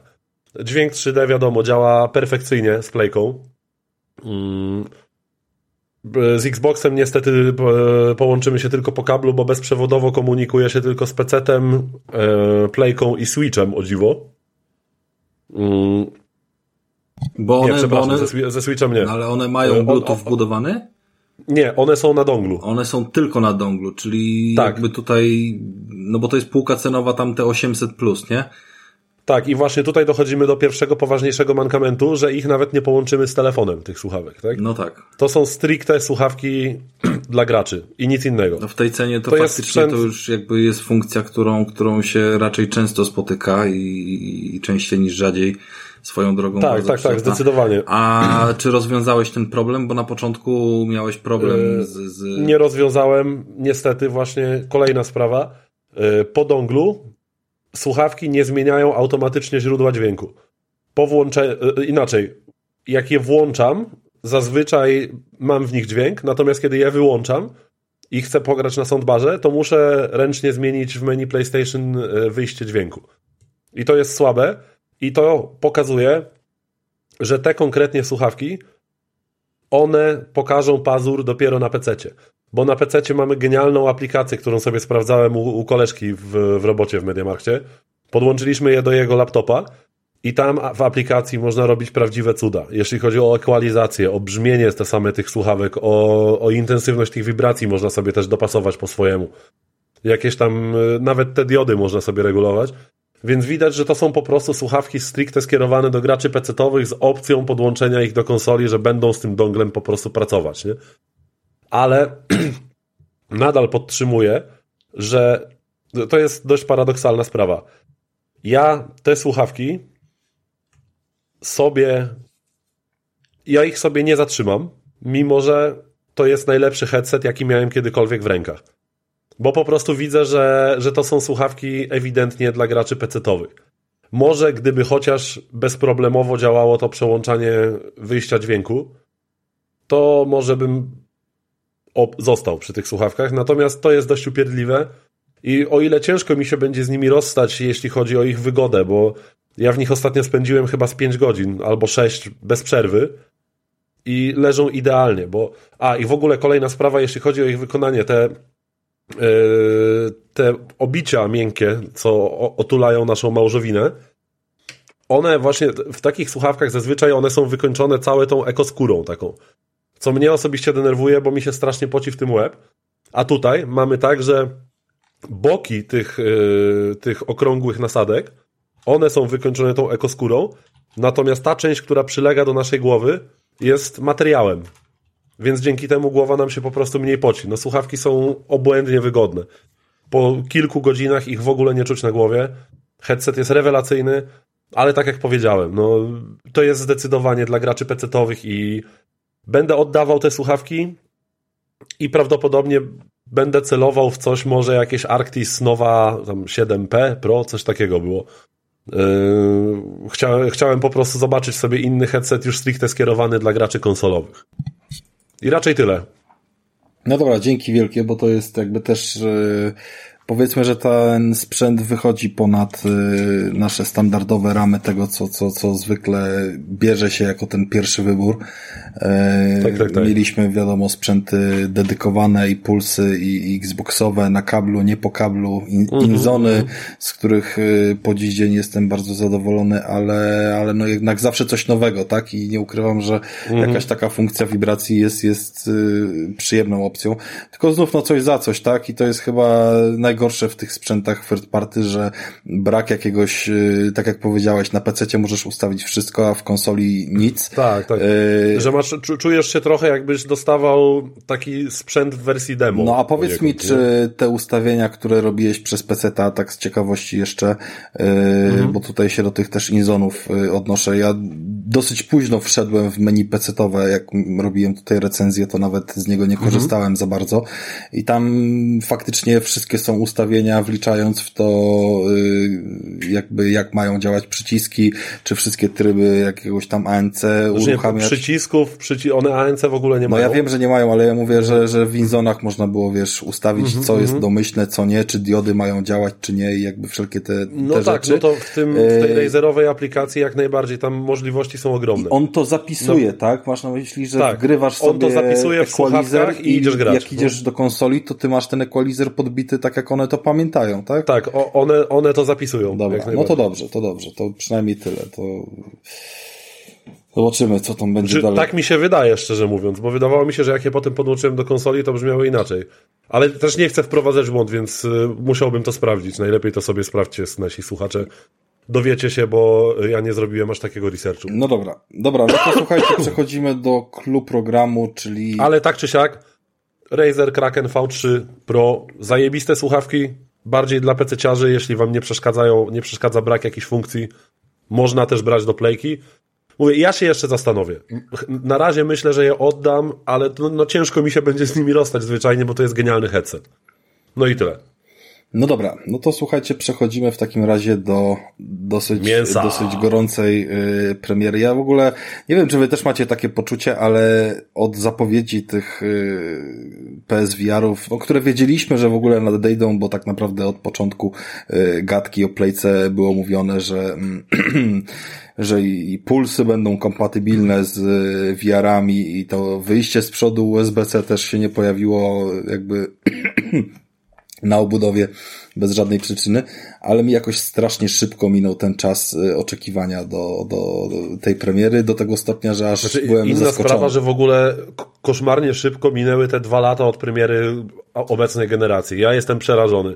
Ja, ja mam wrażenie, że już, że już zaraz będę musiał kupować nową konsolę. To jest kurwa przerażające. Myślę, że nie. Myślę, że to jeszcze najlepsze przed nami 5 lat jeszcze tego sprzętu. I... No jakby zazwyczaj najbardziej zaawansowane i wyciskające ostatnie soki gry to wychodziły zazwyczaj na końcu generacji, nie? Dokładnie. Jednak. Dokładnie. No, no, no. No więc, wyszły nowe gogle przez PlayStation wyprodukowane PSVR 2. Mm. Mamy tutaj od groma zmian, jeżeli chodzi o pierwszą generację tego sprzętu.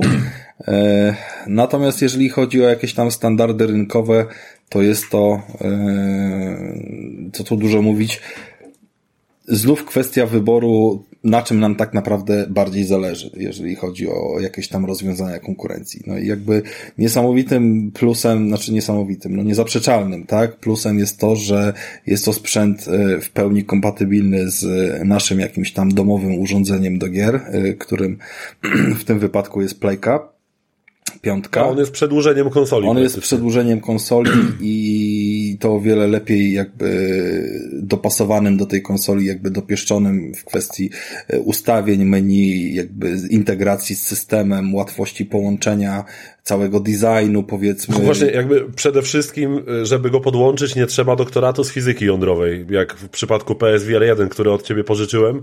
I zagrałem chyba po dwóch dniach dopiero. To prawda, tam jakby jak, te jak połączenia no. były problemem, ale umówmy się, że oni naprawdę musieli wtedy zrobić gimnastykę, żeby odpalić te wiary na sprzęcie, który tam projektowany był, wiesz, w 2011 roku jeszcze.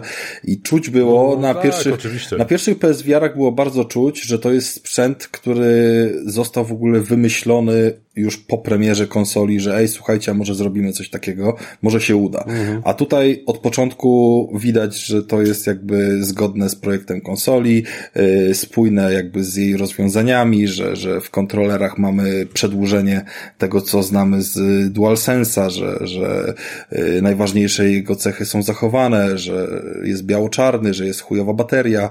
Yy... No i, i oczywiście, że mamy spusty adaptacyjne i, i, i tą mm, haptyczne wibracje. E, natomiast i jest drogi. O. Wiesz co, no jest drogi, tak, tak, jakby tak Nie, ale wiesz co, tak w ogóle, tego. ja tak, ja się tak prułem trochę odnośnie tego, ale szczerze, jak pokorzystałem sobie parę dni teraz z tych gogli, to uważam, że to, okej, okay, uważam, że to jest sporo pieniędzy, ale te technologie zastosowane w tych goglach i jakby pomimo tego, że nie uważam, że jakość obrazu jest jakaś rewolucyjna, to to jak te gogle właśnie są zsynchronizowane z systemem, y, ta ich łatwość założenia, że ja jestem w stanie bez, roz, bez przemeblowania całego mieszkania, po prostu wstaję, gram sobie na padzie normalnie i stwierdzam, a chuj, pogram sobie w VR teraz. Zakładam hełm, włączam go i gram. Po prostu. Powiem ci, że to jest jakby podzielę się z tobą takim rozwiązaniem, które gdzieś tam, do którego kiedyś doszedłem, jeszcze przy, przy okazji starych gogli, że yy, zaczyna się doceniać to jakby te wiary i korzystać z nich i jakby ze wszelkich ich, ich funkcji, gdy przyjdzie ci do głowy pomysł, żeby na przykład przenieść konsolę do innego pokoju. Yy, ja mam, ja mam jakby w drugim pokoju miejsce na, na kierownicę, gdzie kierownica jest zamontowana, gdzie z telewizorem razem yy, za, za kierownicą zamontowanym grałem -hmm. sobie w Gran Turismo. No tak. Yy, natomiast no nie było nie było jakby... Swoją drogą muszę tam wpaść, pojeździć na tej kierownicy. Śmiało, możesz, bliżej masz jakby co do Arrowa, bo też ma kierownicę. I, tak, i, i Arrow wziął ten model y, nowszy, który ma wibracje przenoszona jakby nie tylko jako hapty, zwrotna jakby wiesz feedback, mhm. ale również przenosi te wibracje takie typowe wiesz z tego, że wjeżdżasz na krawężnik albo jedziesz po kostce brukowej, że po prostu same koło kierownicy również wibruje, a nie tylko daje opór yy, czy, czy, czy zwrotkę, więc to jest w sumie... To, to wpadnę do ciebie Arrow i teraz ty Tatara robisz. No to jest w sumie jedna różnica. Dobra, ale nie odbiegajmy od kierownicy. Chodzi o to, że ja to jednak wiesz co, nie przychodź. Nie, to sushi zrobisz, się chwaliłeś, że umiesz. Proszę cię. Gościna spoko. piękna była. Eee, jeżeli, chodzi, jeżeli chodzi o VR-y, to istnieje możliwość jakby pełnego zastąpienia nimi telewizora i e, zabranie konsoli na przykład do drugiego pokoju, żeby sobie po prostu z niej trochę pokorzystać. Bez przenoszenia telewizora. E, tak. daje ci możliwość po pierwsze pograć sobie tam w gry na VR-a, bo jakby bez problemu odpalisz konsolę z pustym portem HDMI i będziesz na VR-ach wszystko widział. E, będziesz widział całe menu konsoli i się tam bez problemu po nim poruszał. Mm, wszystkie gry, które chcesz odpalić, odpalisz sobie na takim wirtualnym, kinowym ekranie. On tam jest... Projektorze takim jakby. Tak, jakbyś po prostu był w kinie, wszędzie czarno dookoła i, i tylko ten ekran e, przed tobą, który tam wtedy się nie wyświetla w 4K, tylko w Full HD, no bo musi to być jakoś e, sprzężone z rozdzielczością samych e, soczewek, e, ale też daje jakoś rozwiązanie, żeby coś tam sobie albo obejrzeć, albo, albo pograć. A, prób a próbowałeś tak? Coś oglądać albo grać? Wiesz co, ja znam to rozwiązanie, bo ono jest dosyć powszechne i z Questa mi się zdarzało tak korzystać, bo, bo Quest no jakby robi dokładnie to samo, to jest jakby pewna klasyczna funkcja, tylko no Quest jest samodzielny, a tutaj jakby jest ta konsola, ale yy, stwarza to jakieś tam nowe możliwości. Stwarza takie możliwości, że y, możesz być w salonie na wiarze i możesz przełączyć sobie kanał w telewizji, odpalić sobie Netflixa. Y, osoba obok może sobie oglądać serial, a ty możesz sobie w tym świecie tam zwiedzać co chcesz, nie? Na słuchawkach. W sumie racja, że ty, bez kitu, że ty, ty możesz sobie grać tak. na wiarze, a twoja druga połówka może sobie oglądać serial na telewizji. Coś, co było tak już naprawdę. przy pierwszym PSVR jakby zaczytane niejako w system i, i teraz oczywiście również jest stosowane, to jakby prosta e, kwestia wyłączania konsoli i wyłączania telewizora. E, zwykle było tak, że jak wyłączasz telewizor, to konsola się wyłącza razem z nim. Ja zresztą korzystam z tego e, ustawienia praktycznie cały czas i, i, i nigdy nie wyłączam konsoli ręcznie, tylko po prostu gaszę telewizor i on wymusza uśpienie konsoli. Natomiast przypomniałem sobie, jakby działając na wiarze, że ta opcja nie działa, jeżeli masz włączone gogle, bo ono po prostu uznaje, że chcesz oszczędzać prąd i wyłączyć telewizor, ale na goglach dalej grasz, więc jakby Aha. ostrzegam was przed tym, żebyście nie zostawili kons konsoli to... włączonej na godzinę z goglami, nie? Tak, tak to działa, tak działało też na pierwszym wiarze i bez problemu możesz sobie telewizor wyłączyć, bo po co, jeżeli nikt nie patrzy? Jeżeli ktoś patrzy... Chociaż wiesz, ja, ja mam strony, Philipsa, nie? Więc to różnie może być. Z, z drugiej strony niby fajna opcja, ale tak naprawdę u nas największą frajdą w domu jest to, że właśnie można popatrzeć. Bo pamiętam, że Tomek, e, pierwszego tak, dnia jak najbardziej. To jest... był jakiś taki zgrzyt, że ktoś robił stream i on w tej pierwszym, pierwszym momencie odpalenia gry miał czarny ekran, e, ten jakby, który ludzie oglądali na streamie i było, Jezus, chyba, chyba Ekstomek to, to poruszył, że Jezus, jakie gówno. Stream, nie, stream nie działa. Stream tam. nie działa, to jakby też uczule, jak ktokolwiek będzie miał jakiś problem. Stream nie działa w opcji, jeżeli grę puszczasz yy, w tej pierwszej opcji, co powiedziałem, czyli to nie jest gra wiarowa, tylko odpalasz ją na tym wirtualnym yy, projektorze, to ona się wtedy nie streamuje tylko leci w tym wirtualnym projektorze w swojej rozdzielczości przeskalowanej w samych goglach. Ale jeżeli leci gra VR-owa, to jest natywnie puszczana normalnie na HDMI, więc to jest ta No różnica. właśnie, bo, bo zazwyczaj właśnie w menu, kiedy masz ten wirtualny projektor, po prostu to nie działa. Nie tak? w menu, to niezależnie, nie w menu. Ale bo menu też nie widzi osoba widzi, na kanapie. Widzi osoba na kanapie, menu nie ma problemu, ale gdy włączasz grę i to jest gra normalna kategorii tam, wiesz, Ty, The Last of nie, Us. u, u, mnie, u mnie nie było widać. Widać, menu. widać menu. Wydaje mi się, że widać, jestem prawie przekonany, że widać. Kurwa, zaraz włączę i pójdę zobaczę. E, to zależy, e, to zależy od produkcji.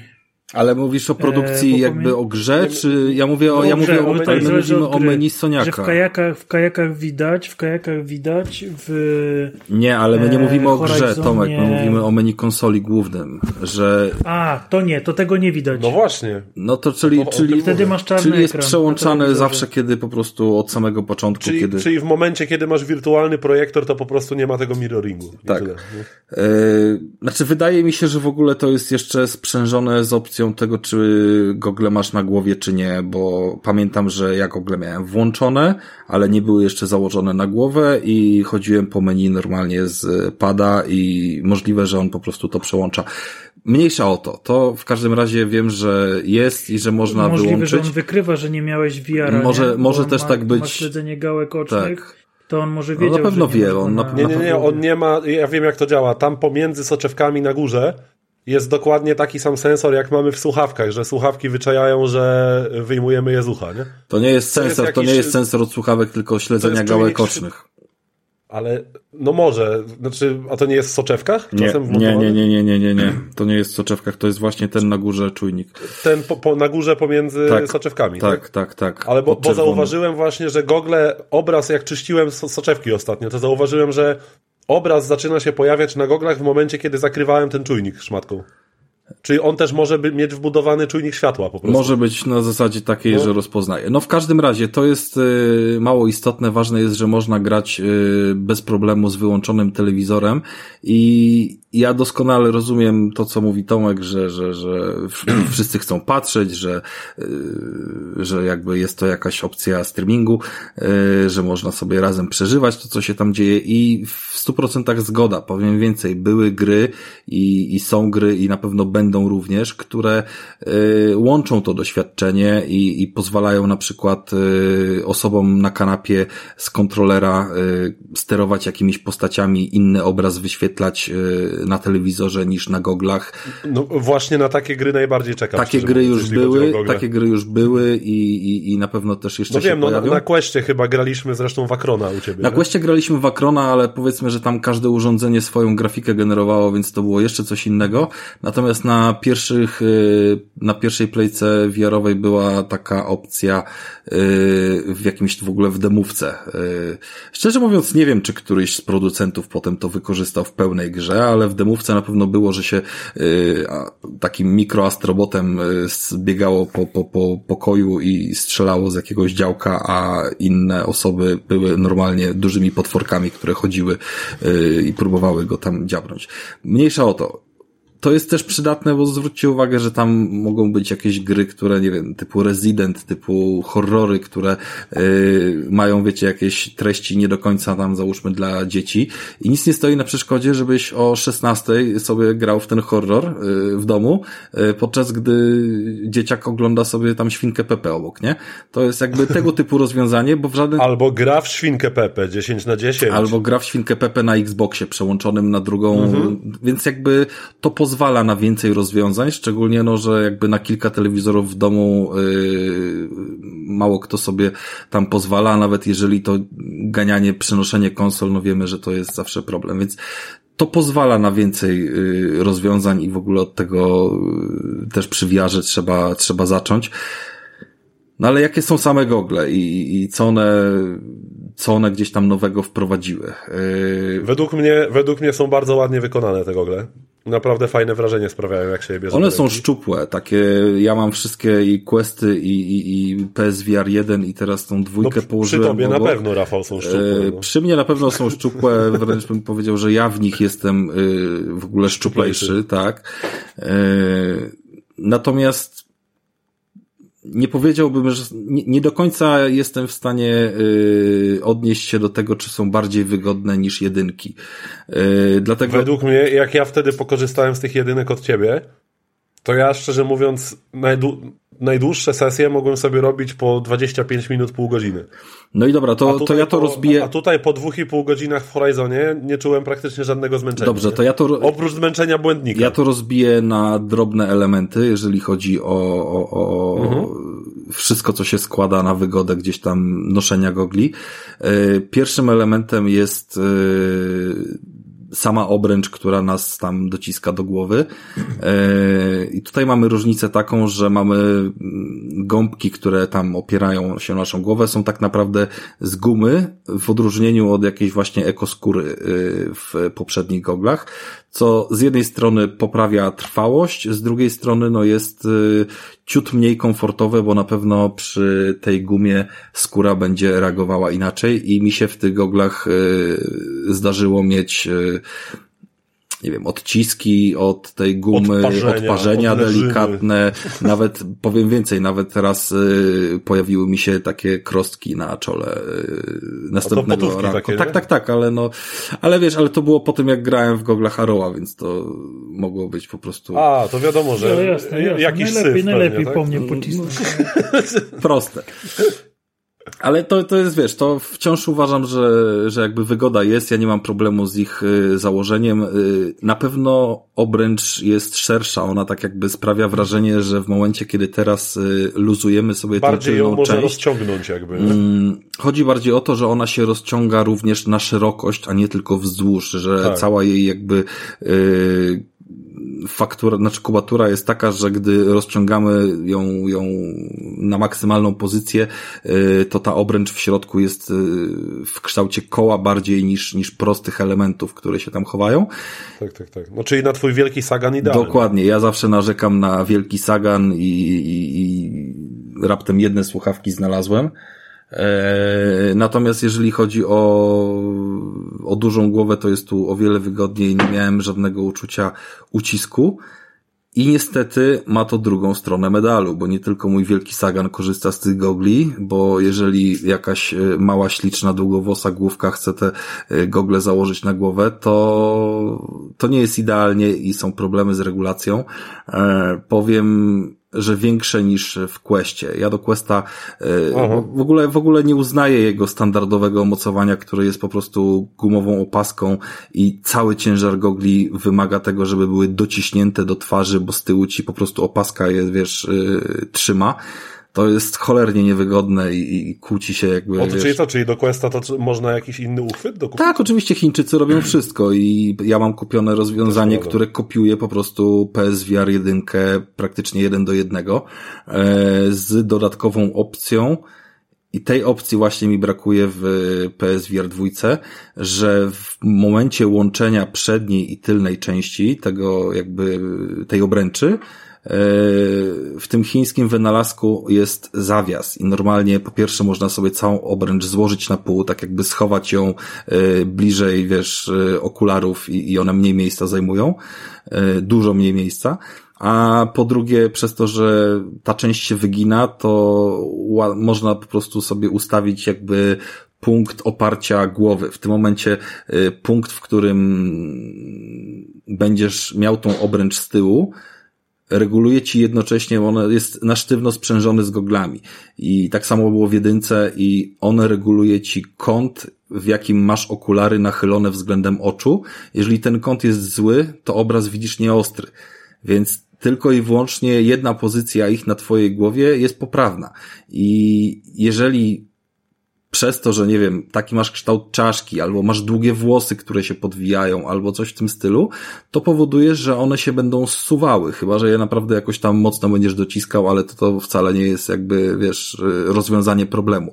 I w tamtym rozwiązaniu, przez to, że jest ten zawias w środku, powoduje, że one mają więcej możliwości konfiguracji, że dalej sobie przód ustawiasz dokładnie pod takim prostym kątem do oczu, jaki powinien być, ale tą tylną część możesz jednocześnie mieć trochę wyżej albo trochę niżej i dalej sztywno je trzymać. Zależnie od tego, jaki kto ma kształt y, głowy, rozmiar głowy i tak dalej.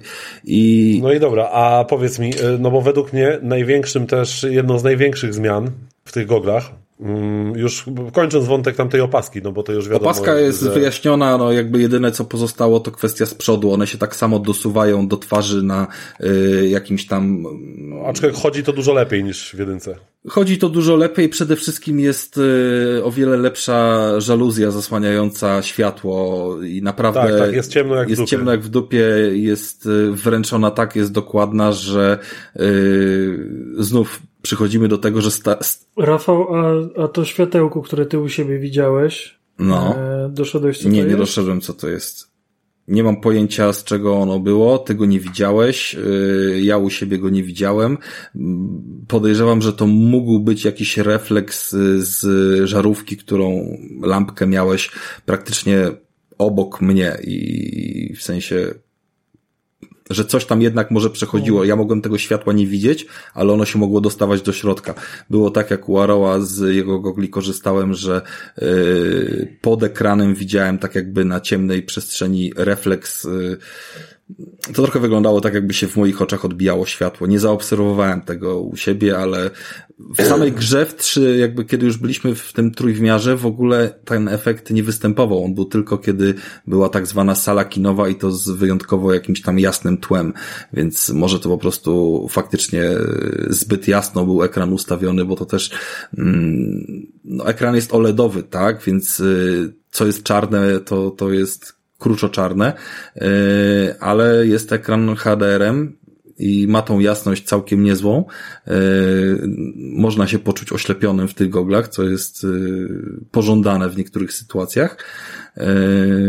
Szczególnie jak mówimy o jakichś malutkich nawet refleksach świetlnych, które po prostu wiecie, promyk słońca gdzieś tam się odbije w jakimś metalowym elemencie i to, to, to daje nam fajne wrażenie. No ale ale jest jakby tak, że, że faktycznie jakiś ten refleks mi się na tej kinowej wersji pojawił. No i tyle, no. Ale słuchaj, yy, jeśli chodzi o dalej, o powiedzmy, że tak powiem, takie quality of life, to kolejną sprawą jest to, że gogle nie wymagają żadnego dodatkowego przyrządowania, czyli przykładowo kamery, która była wymagana w przypadku VR-a jedynki. Bo te gogle mają wbudowane sensory same w sobie, i według mnie samo śledzenie miejsca gry, y, jakby pierwsze zetknięcie moje z, z kalibracją tego miejsca gry w momencie, kiedy skanowałem sobie pomieszczenie, no to było science fiction. To jest zajebista technologia. I właśnie to, że te gogle nie wymagają żadnych dodatkowych osprzętów, wieszania kamery na telewizorze i tak dalej, to jest po prostu coś zajebistego. Mm, I tutaj oczywiście się z Tobą zgodzę. Jest to poziom jak najbardziej dobry, poprawny, tak powinno być, tylko to jest standard rynkowy już od kilku lat. Nawet Quest 1 też bazował na tej samej technologii. Po prostu kiedyś dawno temu stosowało się technologię, kiedy te PSVR-y pierwsze wychodziły, że muszą być jakieś y, punkty odniesienia świetlne i tak dalej. Y, rozwiązania konkurencyjne potrafiły być wtedy dokładniejsze, ale wymagały na przykład y, rozstawiania latarni. Ustawiałeś sobie na długich kabelkach w lewym i w prawym rogu pokoju latarnie, które śledziły ciebie w przestrzeni przestrzeni pokoju, tak? I, I, to było trochę zamiast kamery, że nie musiałeś być wtedy tak na wprost ekranu i, i śledziły cię lepiej, ale dalej było jakimś tam gównem dodatkowym rozstawianym po pokoju. I ta technologia się zmieniła, więc tutaj nie było przestrzeni, oni nie wymyślili nic nowego. To działa dobrze, jest jak najbardziej wszystko poprawne, ale mm, ciężko jest się tym zachwycać, bo to trochę tak jakbyś, wiesz, y, Polak, który był przyzwyczajony do Poloneza, y, pojechał do Niemiec i się zachwycał, wiesz, jakie tam są samochody, no ale tam jakby wszędzie są takie samochody i to na nikim nie robi wrażenia, nie? Y, w kontekście, wiesz, PRL-u, czy, czy, czy tego typu okresu. Więc tak, działa to dobrze, fajnie, że jest to skanowanie pomieszczenia. Uważam, że parę opcji tam jeszcze mm, na dłuższą metę y, powinno wymagać edycji, bo yy, możemy trzy wybierać opcje Y, stanowiska gry. Jest to stanowisko siedzące, stanowisko stojące oraz przestrzeń otwarta, w której y, jak mamy minimum 2 na 2 metra, to y, roz, ustawiamy sobie takie szerokie granice gry i jesteśmy w stanie się poruszać i gry, które to obsługują również wtedy jakby tolerują nasze chodzenie w tej grze, nie? które domyślnie w grach wierowych się nie odbywa albo są jakieś tam specjalne produkcje tylko, które to obsługują. Ale to mi zabrakło tego, żeby niektóre gry powiedziały ci wprost, słuchaj, jeżeli chcesz siedzieć, to to będzie strasznie trudne, żebyś grał. E, bo no, jeszcze nie miałem okazji się wypowiedzieć o, o jakichś tam swoich przeżyciach, natomiast no, ja mam, ja walczę z mdłościami, mimo że, że no właśnie nie oddałem sprzętu. Temat mdłości to jest zdecydowanie twój wątek, który ci chcę e, oddać. Ale tak, tak, ale na razie chciałbym tylko no, skupić się na tym siedzeniu. E, I założyłem, że na siedząco jest mi lepiej grać, ale niestety w zdecydowanie najlepszym tytule, jaki, jaki mam na, na VR, czyli e, Star Warsach, e, no na siedząco grać się po prostu nie da. To jest niewykonalne. Nie wiem, może, może jest jakaś budowa ciała, która to umożliwia. Moja na pewno tego A nie co konkretnie tam przeszkadza? Wielu opcji przesuwania jakby interfejsu, że do góry, w lewo, gdzieś tam wysunięcie tego pasa, bo tam dużo rzeczy się z, z pasa Dobra, ale co konkretnie ci przeszkadza? Y, że, że nie możesz sięgać do ekwipunku, Nie jestem tak? w stanie podnieść narzędzia y, multitool okay, paska. Dobra, rozumiem.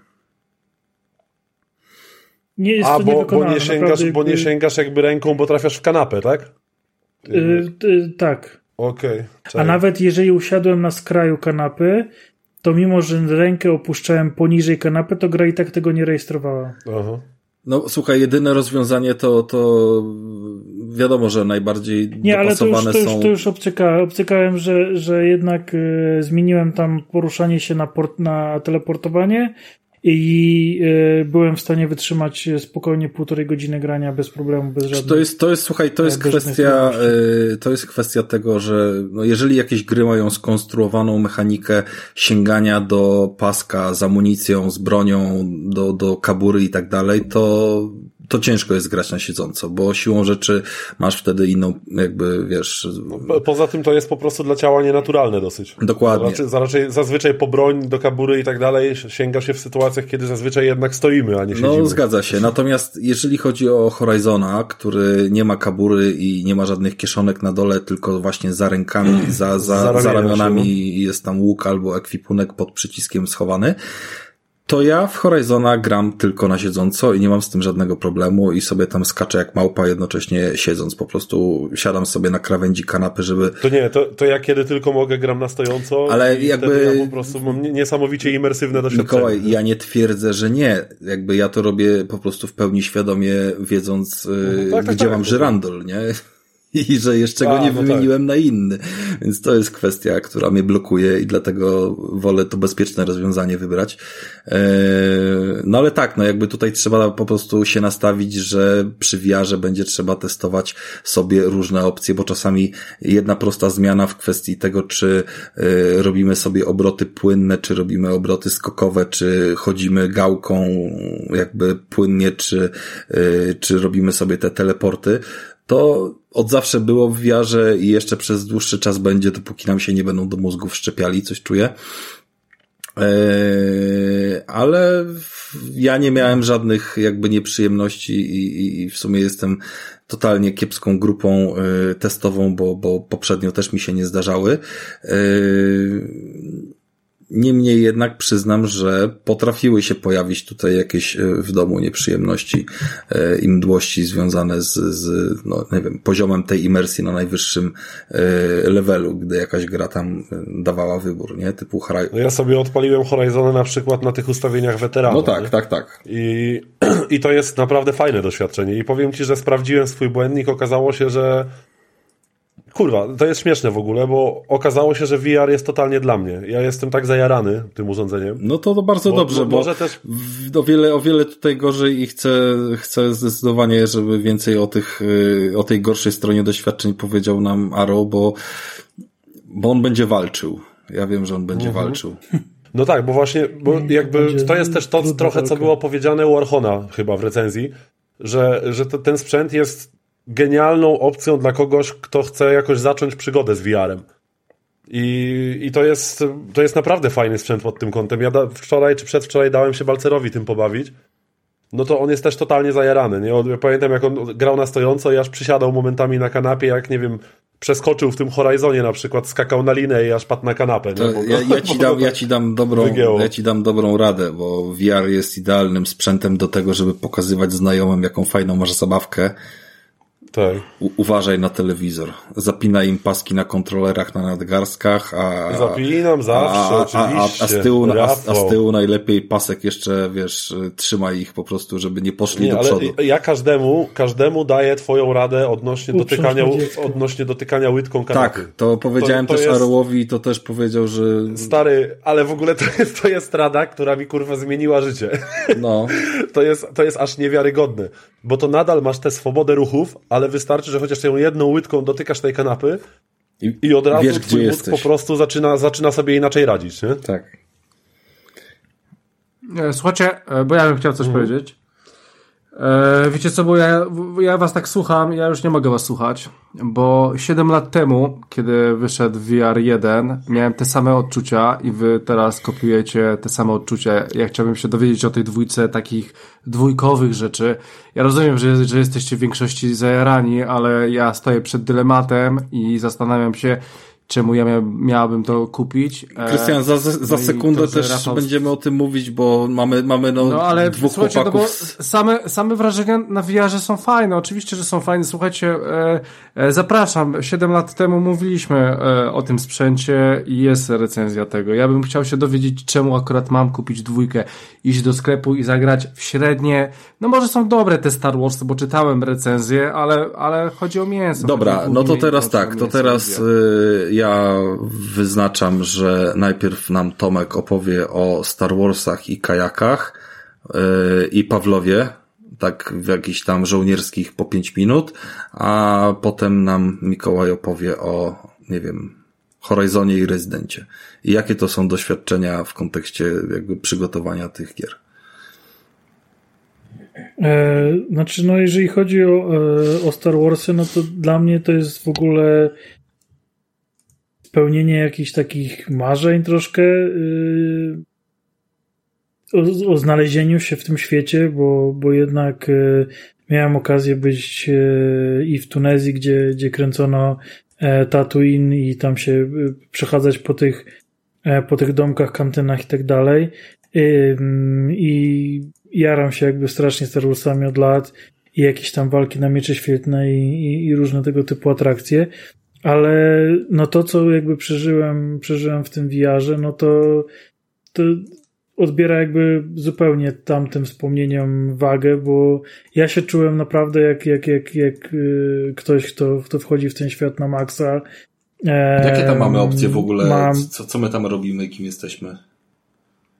E, zaczynamy jako e, gość, który zawiaduje stacją e, przeładunkową.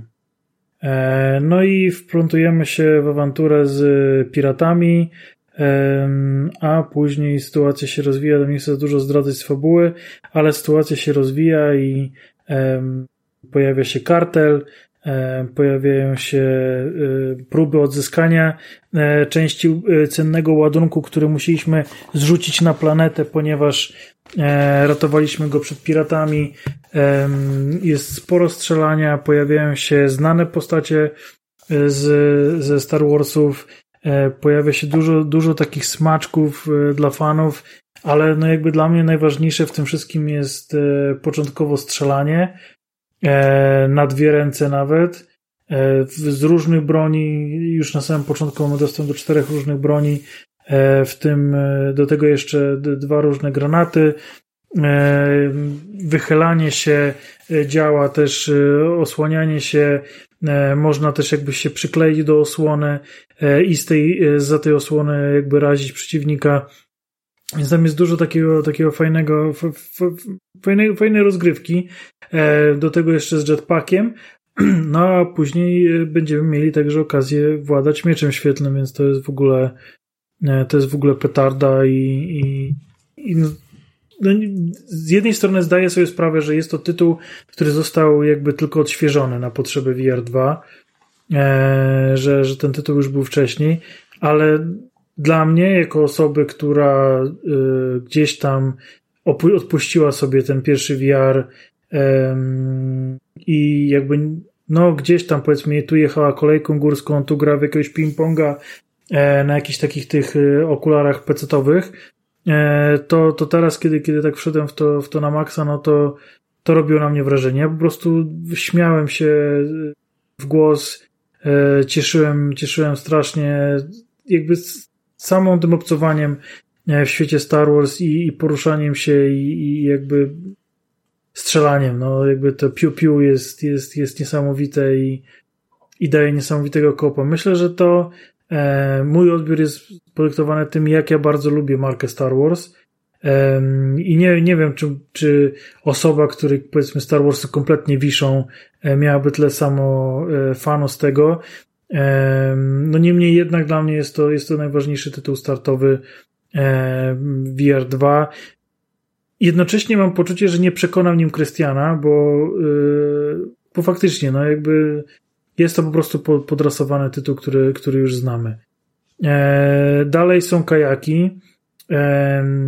Kiedy jakby już w takich dosyć późnych e, okresie. Powiedz mi tylko jeszcze jedną rzecz, bo, bo, bo to no. w kontekście gier VR-owych e, często musimy o tym zawsze pamiętać, że to są mniejsze tytuły, że o ile, o ile powiedzmy odnoszą się do rozgrywki bardzo powtarzalnej, jakieś muzyczne, zręcznościowe, to, to okej, okay, mm, bo czasami mechanika się broni, ale jeżeli, jeżeli mówimy o jakiejkolwiek story, to bardzo często to są tytuły na 3, 4, 5 godzin i, i nara. E, wiemy, że Star Warsy, e, nie wiem, chyba 200, tam 40 kosztują w cyfrze, a promkę dzisiaj podrzuciłeś, że płyta po 160 tak, lata. Tak, 160. Też sobie, też sobie zamówiłem i poczekam po prostu z ograniem na, na tą płytę.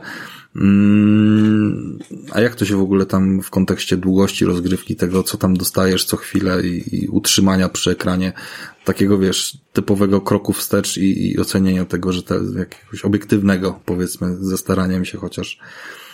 W sensie, czy ten tytuł nie, nie, nie, nie, nie skończy się, nie kończy się, zanim się nie, na dobre nie zaczyna?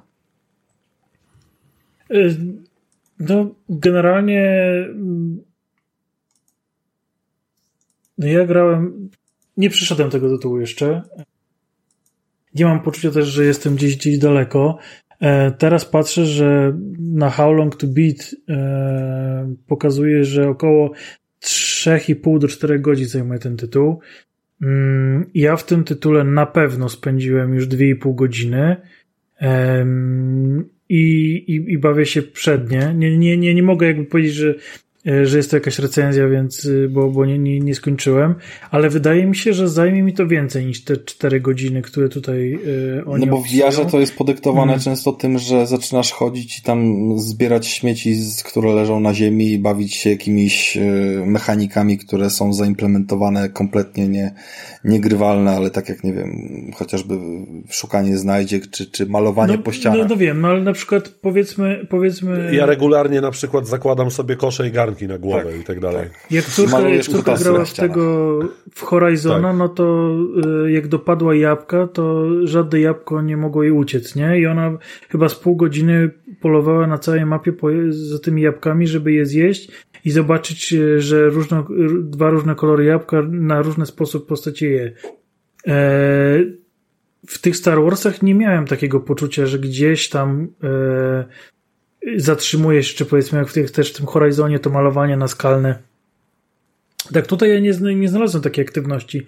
Tak, są znajdźki, ale one bardziej polegają na tym, że, że musimy po prostu nie pójść główną drogą, tylko poszukać jakiejś drogi naokoło i przechodząc właściwie ten sam dystans, tylko naokoło znaleźć znajdźkę.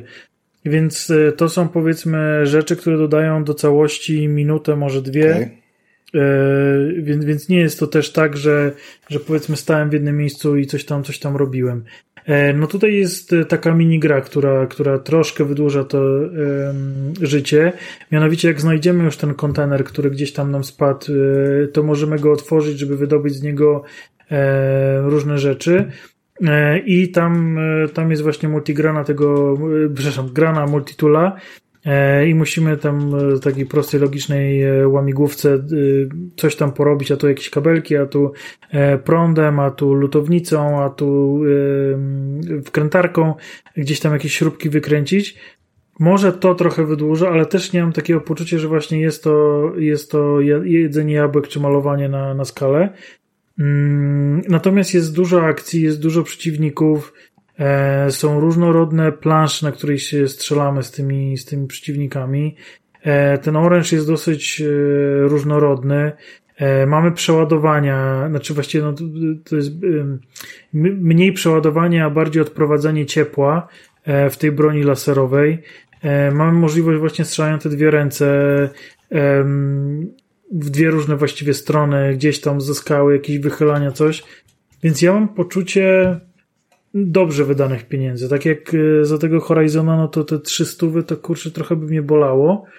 Tak, e, tak tutaj, mimo że kupiłem cyfrę, bo byłem taki zajarany, że, że nie zauważyłem w ogóle pudełka i tak pudełko jest tam opóźnione premierowo w stosunku do, do cyfry, cieszę się, że kupiłem jakby w premierowej cenie i uważam, że są bardzo dobrze wydane pieniądze i też wydaje mi się, bo potem można wracać do tych wszystkich rzeczy. Właśnie ja się chciałem, zapy- ja się możemy... chciałem zapytać, czy tam jest jakiś tryb y, typowo, wiesz, arkadowy, areny, nie wiem, hordy, czy cokolwiek, żeby się po prostu czysto pobawić z gamoniami, których tam można kroić mieczem, czy, czy strzelać do nich, bo wydaje mi się, jeszcze Horizona też nie przeszedłem, ale tam wydaje mi się, że jest też coś takiego, że, że sobie potem po prostu bawisz się dla samej walki i odpalasz sobie jakieś... Tak, są, są, no, są areny, są areny jak tak jak wiesz, z, z dużej gry, że tak powiem, zapożyczone i... Tylko, że, tylko, że akurat areny w, areny w Horizonie, no, o ile samo poruszanie się w Horizonie jest y, super, to walka to jest, no dobra, to, jest to zostawmy po szynach. To, to, jest, to, jest to zostawmy to, zaraz będziemy o tym Horizonie mówić, czyli w Star Warsie mamy takie dodatkowe tryby, czy na razie cisza? E, nie, na razie cisza. E, natomiast na pewno e, gra jakby sugeruje, że będzie można wracać do odwiedzonych miejsc. Okej, okay, czyli może, może jakieś tam. Więc coś może, coś może się z tym dziać.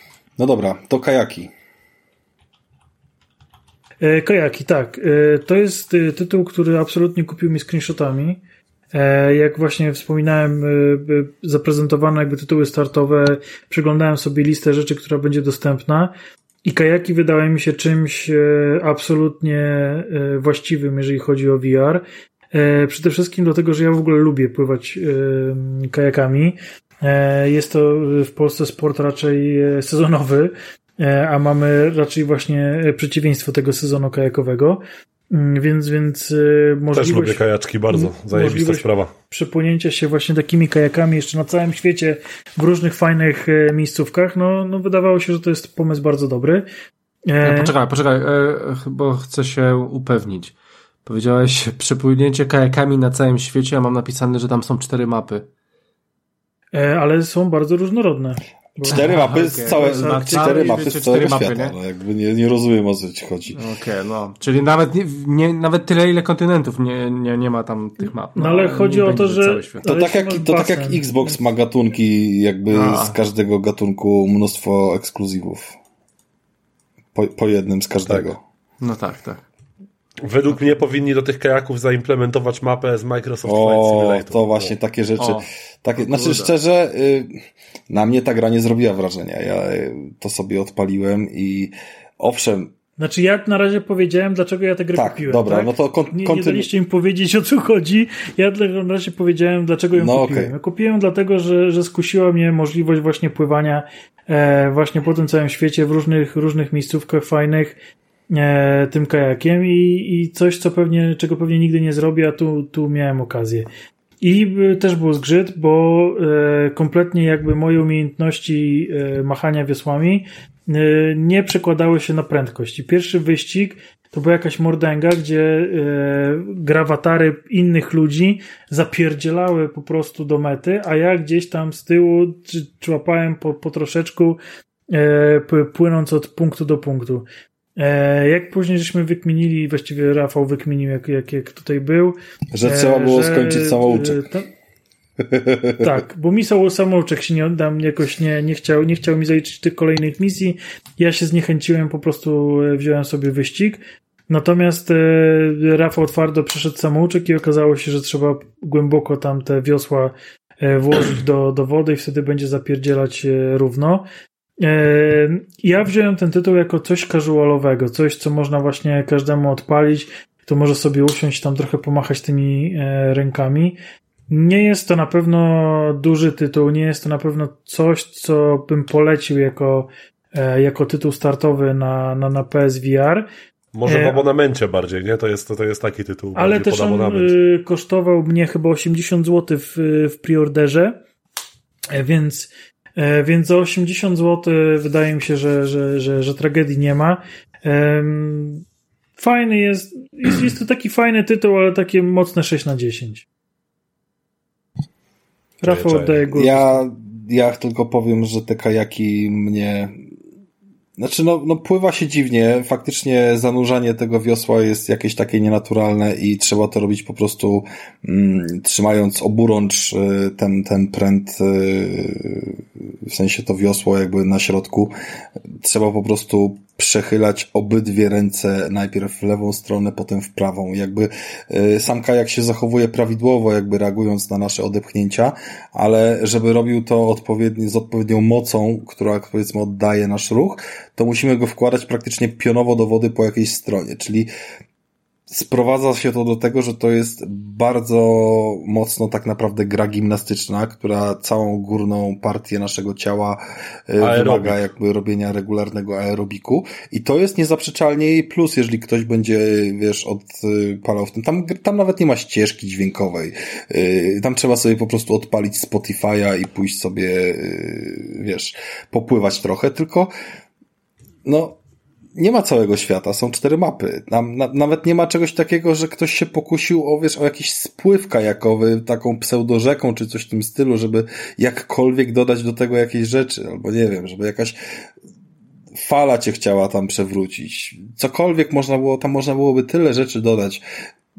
Drobnymi, drobnymi naprawdę jakimiś funkcjami, żeby kurwa jakiś rekin cię gonił. Nie wiem jest moim zdaniem po prostu. Ale są delfiny, są delfiny i może, możesz włożyć głowę pod Słuchaj, wodę. Słuchaj, można włożyć głowę pod wodę, też to zrobiłem, są delfiny, też wiem o tym, ale prawdziwe emocje to wiesz, tak jak w Sea of Thieves daje ci jak kraken na ciebie wypierdala. To, to są emocje i, i wtedy się dzieją rzeczy, a tutaj tutaj się nic nie dzieje. Jakby niestety to jest moim zdaniem coś, co faktycznie, tak jak powiedział Mikołaj, perspektywę ma tylko, żeby trafić do, nie wiem, planu plusa, który będzie może kiedyś miał jakieś gry na VR-a. Zobaczymy. E, no i tyle. I, I ja Tomka zwalniam z dalszej odpowiedzi, bo. bo, bo e, Poczekaj, no. jeszcze, chciałem, jeszcze chciałem zaatakować e, te kajaki. E, bo powiem wam, że ja e, sporo recenzji czytałem na temat tych kajaków i sporo osób sobie chwali te kajaki. Więc y, ja mam pytanie, czego, czego my oczekujemy od gry, w której się kajaku... Wiesz, czegoś oczekujemy, że właśnie to, co powiedziałem przed chwilą, że będzie w tym jakaś rozrywka większa niż y, pływanie swobodne lub ściganie się. Bardziej myślę, że chodzi Rafałowi o to, że y, do ta, to, ta gra ma potencjał pod wykazanie się kreatywnością. Dokładnie, bo teraz, słuchaj, jedyne co tam robisz, to masz bramki. Zrobić spływ, zrobić na przykład spływ kilkuetapowy po tej samej rzece. Masz, masz, masz takiego, po prostu otwartą cel, przestrzeń nie? wodną i masz yy, bramki, przez które musisz przepływać i to jest jedyna rzecz. I jedyna funkcja, żeby nie pływać całkowicie po otwartej wodzie, co jest nudne, bo ja pierwsze co zrobiłem, to zacząłem gdzieś podpływać do jakichś skał, zobaczyć, czy tam czegoś nie można zrobić. Yy, no bo, bo otwarta woda to otwarta woda, nawet jeżeli jest ładna, bo, bo spoko wykonana, yy, to jakoś brakuje tam aktywności. I jakby pierwsze pomysły od razu. Jakby była mapa, nie wiem, że płynę sobie rzeką yy, w Wielkim Kanionie i podziwiam widoki, że właśnie mam spływ kajakowy, że coś mnie goni i że to nie jest jakby wyścig, że muszę ja kogoś tam, nie wiem, przez bramki, tylko tylko że po prostu muszę spierdalać, bo mnie zje rekin, nie? I, i, i czuję to po prostu, wiesz, na głowie, że mi tam chapie y, mój kajak od tyłu albo cokolwiek. Jakby mnóstwo można było wrzucić mechanik kompletnie. Czyli, czyli, czyli e, e, E, rozumiem, Rafał, że idziesz, jedziesz sobie gdzieś tam na, na spływ kajakowy, albo po prostu jedziesz sobie na kajaki, pożyczasz kajaki, sobie tak myślisz, kurwa, mam nadzieję, że będzie mi rekin jakiś gonił, albo mam nadzieję, że będzie fajna okolica, będę mógł sobie pooglądać. W ogóle czy, czytam, że tutaj grafika jest bardzo jest dobra. Niezła, jest niezła, nie, jakby no nie ma co narzekać, spoko, ale ona też tam spoko. nic sobą nie, nie przedstawia, poza tym, że masz pustą wodę i parę skał jakichś dookoła, czy coś w tym stylu, więc tam nie ma nie ma podstaw do tego, żeby to wyglądało źle, tam nie ma nic wymagającego. I ja jeździłem na kajaki nieraz i zawsze priorytetem było to, żeby się na nich najebać, więc jakby yy, wyzwanie, wyzwanie musi być, wyzwanie jest potrzebne. Tutaj zrozum, że tutaj nawet nie możesz się przewrócić pod wodę, żeby mieć jakieś takie wow, typu o kurwa, stało się, nie? I teraz trzeba wykonać, nie wiem, ósemkę rękami, żeby się odwrócić z powrotem, czy, czy coś w tym stylu. Jest to, jest to po prostu totalna, jeżeli chodzi o gameplay, blokada sprowadzająca, że cały czas robisz tylko i wyłącznie jedną rzecz na różne sposoby. I jakby Beat Saber czy inne gry muzyczne, które wprowadzają też teoretycznie cały czas tą samą mechanikę, bawią się nią, kombinują. Masz, nie wiem, tryb 360 stopni, masz tryb jednej ręki, masz tryb czegoś tam, nie? Żeby po prostu uatrakcyjnić tą rozgrywkę, a tutaj nie masz nic, jest tylko i wyłącznie samouczek i wyścigi i, mhm. i ewentualnie free roam. Czyli pewnie to na podobnej zasadzie jak ten pasjans, o którym mówiłeś, że nie ma Nie, nie ma, ma, głębi, nie ma żadnej nie? To, głębi i właśnie. pobawisz się, pół godziny mówisz fajnie i, i jakby jest okej. Okay. Ja mam takie odczucia, nie będąc w żaden sposób fanem y, kajaków, o ile nie są zakrapiane. Y, Arrow jest fanem kajaków, może nie takich jak Gwiezdny Wojen, ale, ale, ale wciąż jest fanem kajaków, a mimo to kompletnie nie, jakby nie miał z tego satysfakcji. No i jakby no, nie siadło. Nie siadło, nie? Więc... Okej, okay. ja jeszcze, jeszcze chcę powiedzieć, że, że może po prostu też cena e, troszeczkę zobowiązuje do tego, że tam nie ma aż, aż tak dużo. Znaczy, no ja tak to do tego chciałem podkreślić, że nie możemy się jakby zupełnie, zupełnie wyzłośliwić na ten tytuł, bo jednak jest wycenione tak e, adekwatnie. Mm, no tak, można powiedzieć, że tak, ale, ale okej. Okay. Znaczy, to nie są duże pieniądze, ale to jest kwestia, na co poświęcamy czas, które podejmujemy wybory, masz tam 30 parę gier, yy, na, na dzień dobry i można po prostu lepiej stówę wydać. No jakby takie mam odczucie do, do tego tytułu. Dobra, żeby nie wciągać od razu Tomka w Pawlowa, który w sumie nie jest nowym tytułem, ale wiem, że fajne rzeczy o nim też będziemy mogli powiedzieć, yy, to niech Mikołaj powie o swoim romansie z Rudą w Horizonie VR-owym. Czy to y, nie, do końca nie. jest, nie do końca jest romans z Rudą w ogóle. Dobra. Bo, a szkoda, bo, bo VR miałby, miałby była potencjał, tam, nie oszukujmy się. Była. Y, wiem, była, była. Spotkałem, nawet próbowałem dotknąć, ale się nie dało, bo to była nieinteraktywna nie cutscenka. Ale wiesz, że oni tam razie... się odsuwają, jak machasz im rękami. Tak, tak, tak, tak. Najlepsze jest to, że ja nawet nie próbowałem tego robić, dopiero jak obejrzałem sobie recenzję Archona, to przerwałem tę recenzję momentalnie, od razu odpaliłem VR, żeby pomacać po gębach moich rozmówców. Tak. To jest po prostu magia, magia VR-u. W każdym razie tak. Jeśli chodzi o. To, tak, to nie jest moje pierwsze całkowicie zetknięcie z VR-em, bo trochę się tam bawiłem nim u Rafała. Później mi pożyczył jedynkę na trochę, że tam z dwa czy trzy tytuły mi się no udało No i Oculusa ograć. też miałeś gdzieś tam e... właśnie, nie? No właśnie to o tym mówię, że no w Akrona grałem na, tak. na Oculusie. E... Ale pierwszy raz mam po prostu mój konkretny VR w domu e... i moje wrażenia z obcowania z tymi goglami, tak, ogólnie są bardzo dobre. Jakby biorąc pod uwagę, że ich prostotę jakby użytkowania, że ja jestem w stanie je właśnie podpiąć w każdej chwili, to co wspomniałem, że gram sobie na padzie i nagle zachce mi się VR-u, to zakładam gogle na łeb i gram. Bez jakiejś tam po prostu kombinacji, akrobacji. E, jeśli chodzi o sam sprzęt, no to spoko wrażenia. Natomiast mam trochę problem z kontrolerami. Mm, po pierwsze, ja mam wielką grabę jak bochen i według mnie ten pierścień otaczający, otaczający rękę mógłby być te, nie wiem, chociaż te 3-4 mm, 5 mm może szersze. I wtedy miałbym dużo, dużo większy komfort, bo czuję, że ten pierścień z dwóch stron, jakby od strony mojego palca małego i wskazującego, on czuje ten pierścień po prostu, nie? Że, że jakbym miał jeszcze trochę większą rękę, to już prawdopodobnie nie byłbym w stanie grać na tych kontrolerach.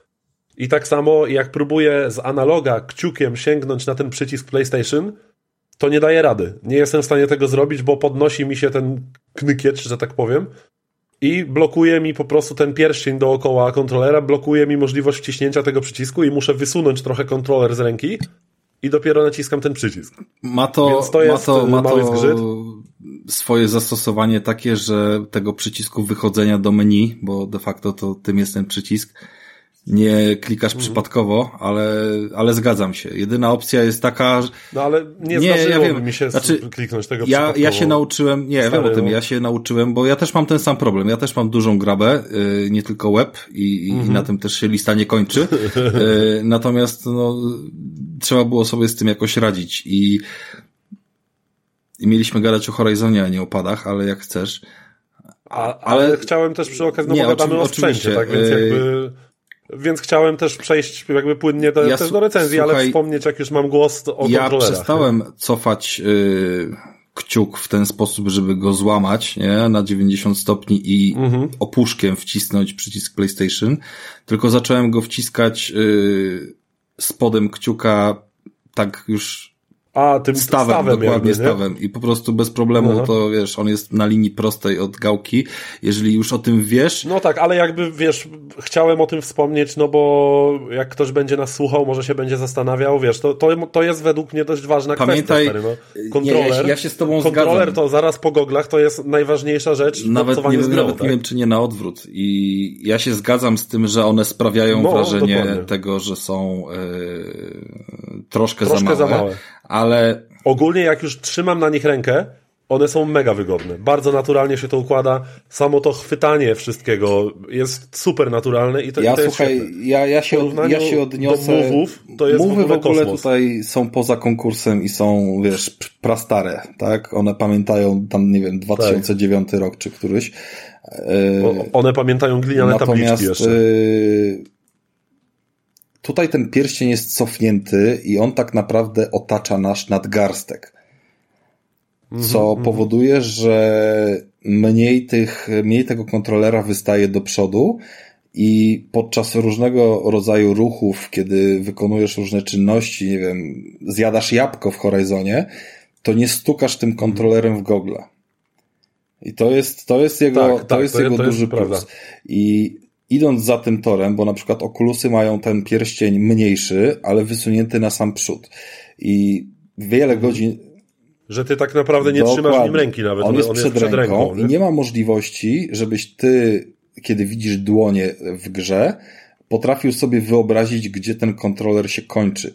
I w Oculusie bardzo często były sytuacje, w których No przecież u ciebie, jak dałeś mi zagrać chyba w, e, Czekaj, to co tak przy biurku się siedziało, co to było? A to sam sobie Dodaj, stukałeś się rękami o rękę, kontrolerem o Tak. kontroler, a jeszcze gorzej jest, jak przykurwisz sobie w głowę w y, kontrolery, bo po prostu wykonasz y, ruch, nie wiem, mieczem w Beat Saberze, który powinien ci się zmieścić przed głową, ale ci się nie zmieści, bo wystaje coś, czego nie widzisz z kontrolera. Więc pod tym kątem ten projekt jest super i ko- Nie, nie, nie. ale, ale jakby, mówiłem, nie, on jest oczywiście, zły, absolutnie. jakby ten projekt, to jakby je- jeszcze jedna jest jakby istotna kwestia. Ty mówisz o tym, że fajnie by było, gdyby te 4 mm były więcej, bo mógłbyś sobie tam, nie wiem, lepiej kciukiem operować, ale te 4 mm by również na zewnątrz musiały pójść podczas właśnie tego operowania, więc No chyba, żeby odchudzili pierścień ogólnie, nie? I troszkę go przesunęli. chyba, żeby odchudzili, ale on Znaczy, i tak jest się tak da- delikatny, że podejrzewam, że większość osób się boi Tak, no oczywiście. Znaczy ja, ja sobie zdaję sprawę, że to nie bez powodu tak jest zaprojektowane. Yy, Natomiast wydaje mi się, że nawet te 2-3 mm to by nie zrobiło dużej różnicy, a już mo- dużo większy komfort Mogło, tym mogło, mogłoby być. W każdym razie spróbuj sobie inaczej jakby z tego przycisku PlayStation korzystać, Mm, bo spoko, to spoko. są takie, wiecie, głup, głupie rady, tak jak Jasne. z tym A- opieraniem się łydkami, dokładnie. Łydką, tak. Ale, ale co do zasady, to tak, kontrolery sprawiają, że, że spoko się trzyma tą łapę i się czuje. Tak, znaczy w ogóle są super precyzyjne. To trzeba powiedzieć, że. Znaczy, miewałem z one mają czkawki. Na Horizonie możesz mieć ale... czkawki wynikające z braku patcha i tam są zgłaszane jakieś tak. problemy w ogóle z Horizonem. Znaczy, w ogóle powiem ci, że ja mam z nimi o tyle, o tyle problem z tymi kontrolerami, że nie wiem, czy to jest kwestia moich kontrolerów, czy ja nie powinienem tego odesłać, ale ja prawie nie czuję w nich tych wibracji, nie? W sensie w Horizonie one są ok, są fajne, wyczuwalne, ale dzisiaj sobie odpaliłem w końcu tego Light Brigade, nie? Tam ile godzinę przed, podca- przed podcastem, jak czekałem na żarcie.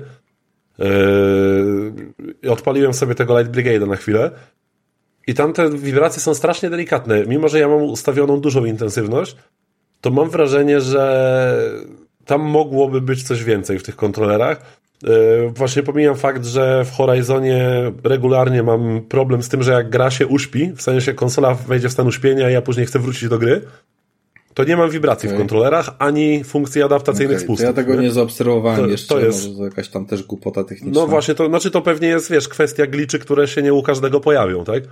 I, I właśnie u mnie giną wibracje i nie ma adaptacyjnych spustów w momencie, kiedy gra się odpali z uśpienia. Ja nie wiem, czy ja ją, I muszę ja wtedy, wiem, mało ja tego uśpienia y, robiłem, ale, ale słuchaj, wiem, że... Y, mało tego, Rafał, słuchaj. Y, jak z, wyłączę grę przez opcję start i zamknij grę i włączę ją ponownie, to to nie naprawia problemu. Muszę zresetować konsolę.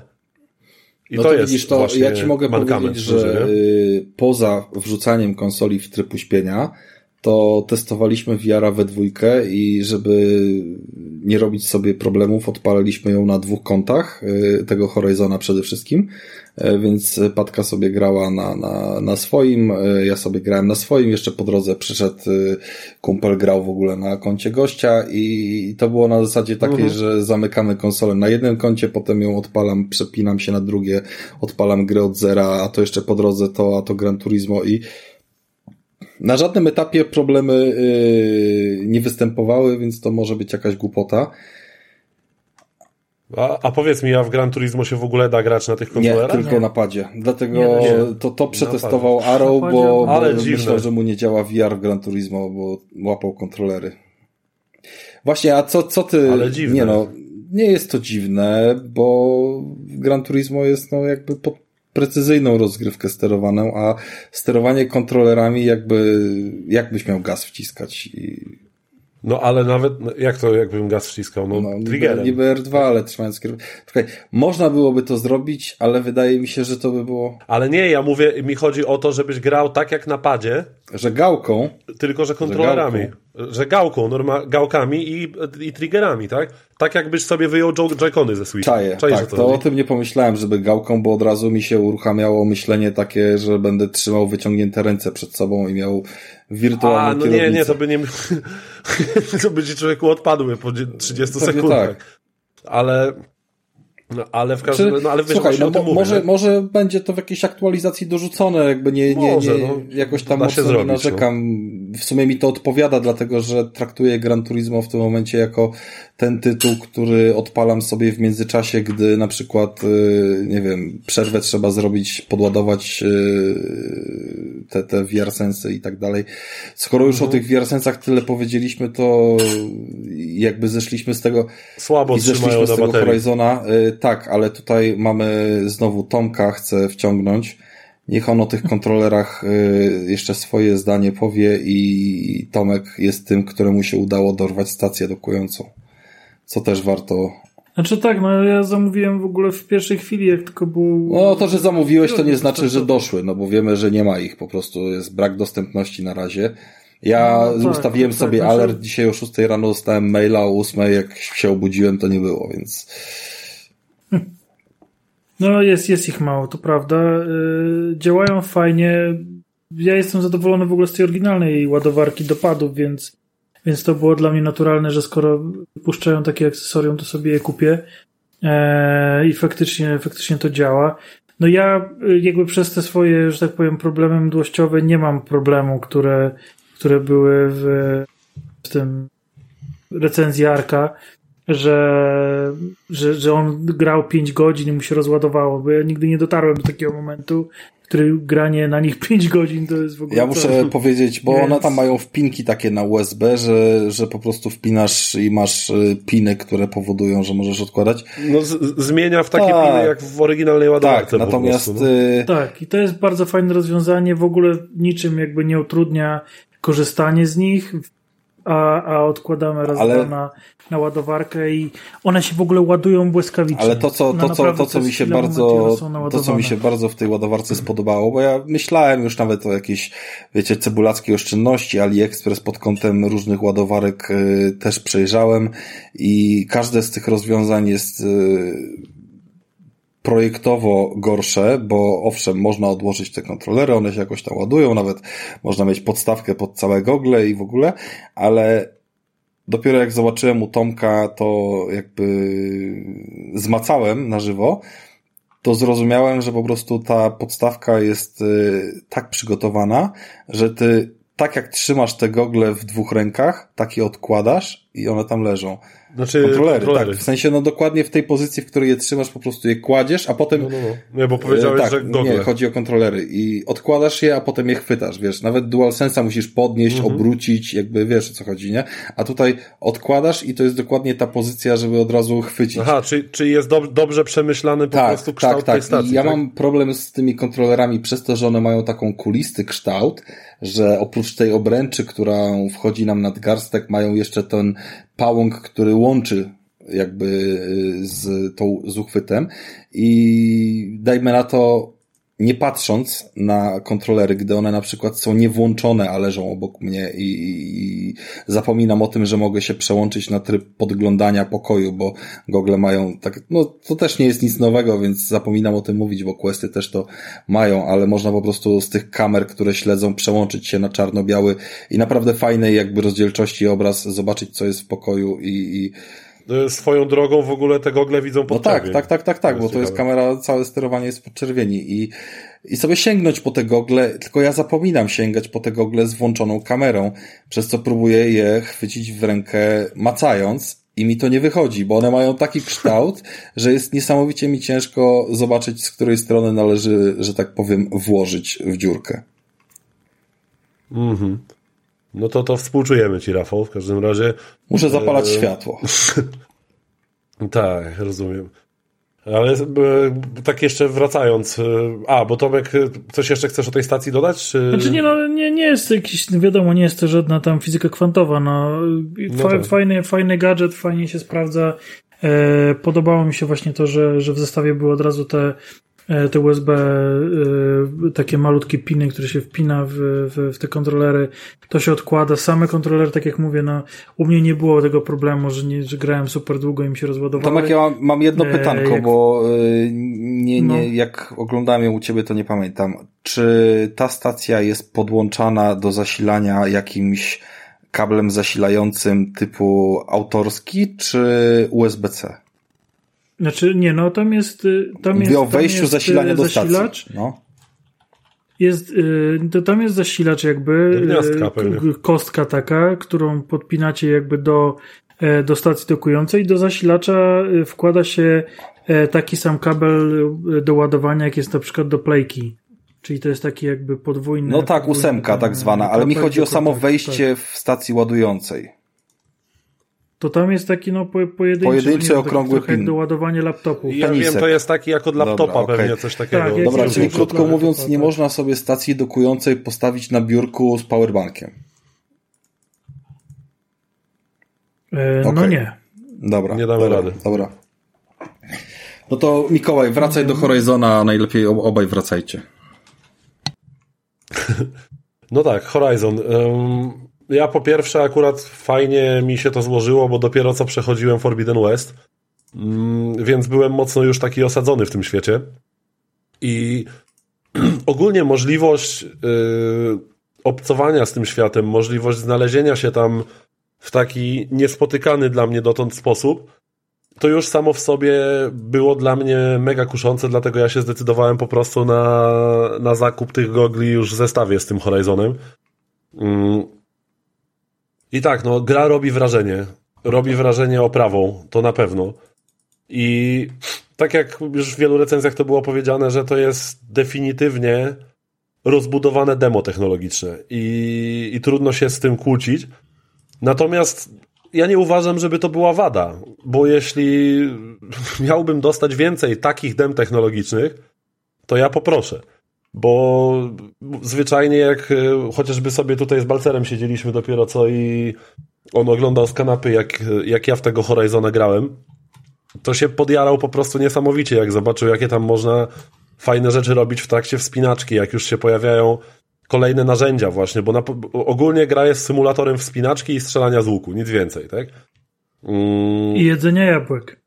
I jedzenie jabłek, dokładnie tak. Oczywiście jabłka się pojawiają, wiadomo, y, regularnie jakby jak zjem jabłko, to ogryzek musi polecieć najdalej jak się tylko da. To, to, jest, to jest standard. W każdym razie mm, no, gra nie oferuje jakichś super złożonych mechanik, ale daje wrażenie właśnie takiego wysokobudżetowego dema. To jest idealna według mnie prezentacja właśnie tego, co te gogle będą w stanie zrobić w odpowiednich rękach deweloperów. Bo do tego się to będzie sprowadzać. To jest naprawdę fajny sprzęt.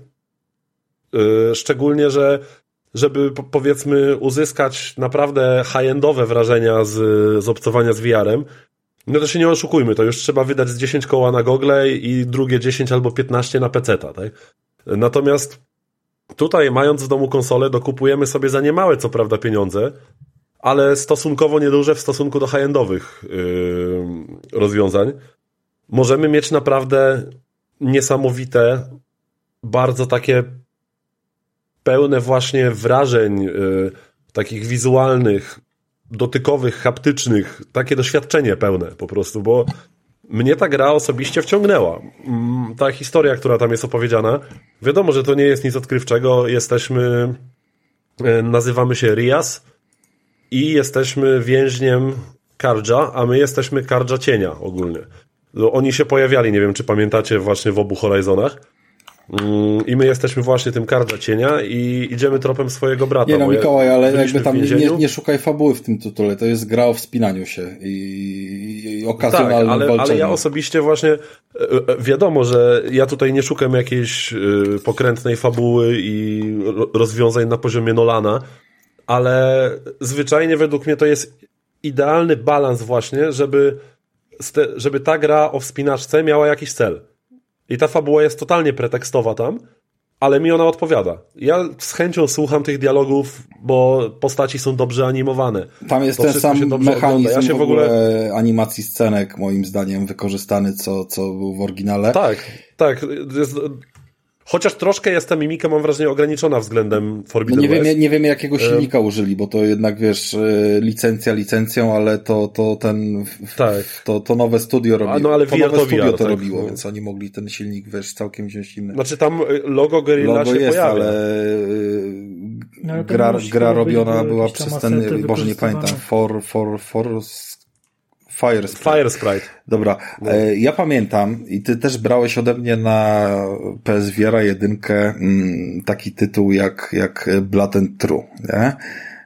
No tak. I tam tytuł. były Uwielbiam. takie sceny, w których y, można było, no dynamika gry była trochę gorsza niż w Horizonie, bo to nie było takie płynne ujęcie, tylko z jakimiś dziwnymi ekranami wczytywania i, i tego typu rzeczy. Mhm. Ale tam niesamowite wrażenie na mnie robiło te parę lat temu, że stawałem twarzą w twarz z innymi osobami i z tymi osobami rozmawiałem patrząc sobie w oczy i dało się to zauważyć. Tak, tak. I pod tym kątem właśnie, no właśnie o tym mówię. te dialogi, które są odgrywane w Horizonie robią wrażenie, że naprawdę można się tak poczuć. I... Tak, stary, właśnie co jest fajne, bo to ta grafika już tutaj jest na tyle zaawansowana. Znaczy, wiadomo, widać, że tutaj tekstury nie są takie jak na przykład na PS5 w Forbidden West, no ale to wiadomo, tak? To musi no tak, utrzymać tak, te tak. 90 klatek i, wygląda, i jeszcze jednocześnie jakoś wyglądać. Więc muszą być jakieś uproszczenia. na oko. No właśnie.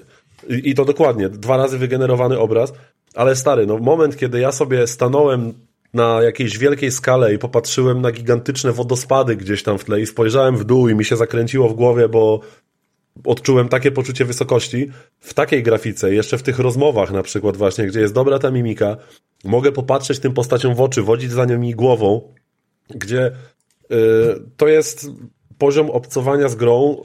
Szczerze, jeśli chodzi o dialogi, to tylko Cyberpunk się zbliżył do tego poziomu, jeśli chodzi o dialogi. Wiesz, na czym ja się złapałem? Że kiedy postaci są tak dobrze wykonane właśnie i, i pokazuje możliwości tego sprzętu, że jest tak dokładny, to ja się zacząłem łapać na tym, że jak gestykuluję, mimo że nie mówię nic, to jakby ruszam rękami w taki sposób, jakby moja postać ruszała i robię to właściwie nieświadomie. I, I to było po prostu świetne, jak, się, jak sobie to uświadomiłem. W każdym razie, no tak jak powiedziałem, gierka jest symulatorem wspinaczki i demkiem technologicznym, ale naprawdę te różne twisty, kiedy chociażby wytwarzanie sobie nowych narzędzi, Bardzo mi się to podobało. zbieramy części i po, tak, i właśnie podchodzimy do stołu z e, warsztatowego, mamy rozłożone te części, obok mamy papirus y, z instrukcją, jak mamy złożyć ten nowy sprzęt i właśnie zakładamy jedno na drugie. Trzeba to odpowiednio przekręcić, połączyć sobie na przykład z jakimś patykiem, jakąś rurką, grot strzały, później na to zamienić, y, założyć jakąś wyrzutnię, to obwiązać sznurkiem i to obwiązywanie sznureczkiem, które jest dzięki tym kontrolerom niesamowicie dokładne. To jest właśnie no coś, czego na mówach, tak jak Krystian się pytał, czy, czy powinien kupić PSVR 2. To jest ważne pytanie. I ja uważam, że tak, aczkolwiek szczerze, ja się wyrwałem, no bo chciałem mieć VR. Ale jeśli ktoś ma VR jedynkę, to to nie będzie jakby kosmiczny skok technologiczny, jeśli chodzi o jakość obrazu. Owszem, ten obraz jest świetny, jakby według mnie jest zupełnie wystarczający. Mógłby być oczywiście ostrzejszy, ale mi to wystarcza, bo wiadomo, to jest 4K, ale to jest nadal 4K, które jest centymetr od naszego oka. Jak podejdziemy do naszego telewizora 4K na odległość centymetra, to też widzimy. Nie, Krystian, ale, ale może Mikołaj. Widzisz, jak się nie zgadzam z kimś, to muszę powiedzieć Krystian. Przepraszam, ale to jest dobre. To jest dobre. Jaki punch! Sorry, ale faktem jest, że przechodząc z wiara jedynki, różnica jest ogromna.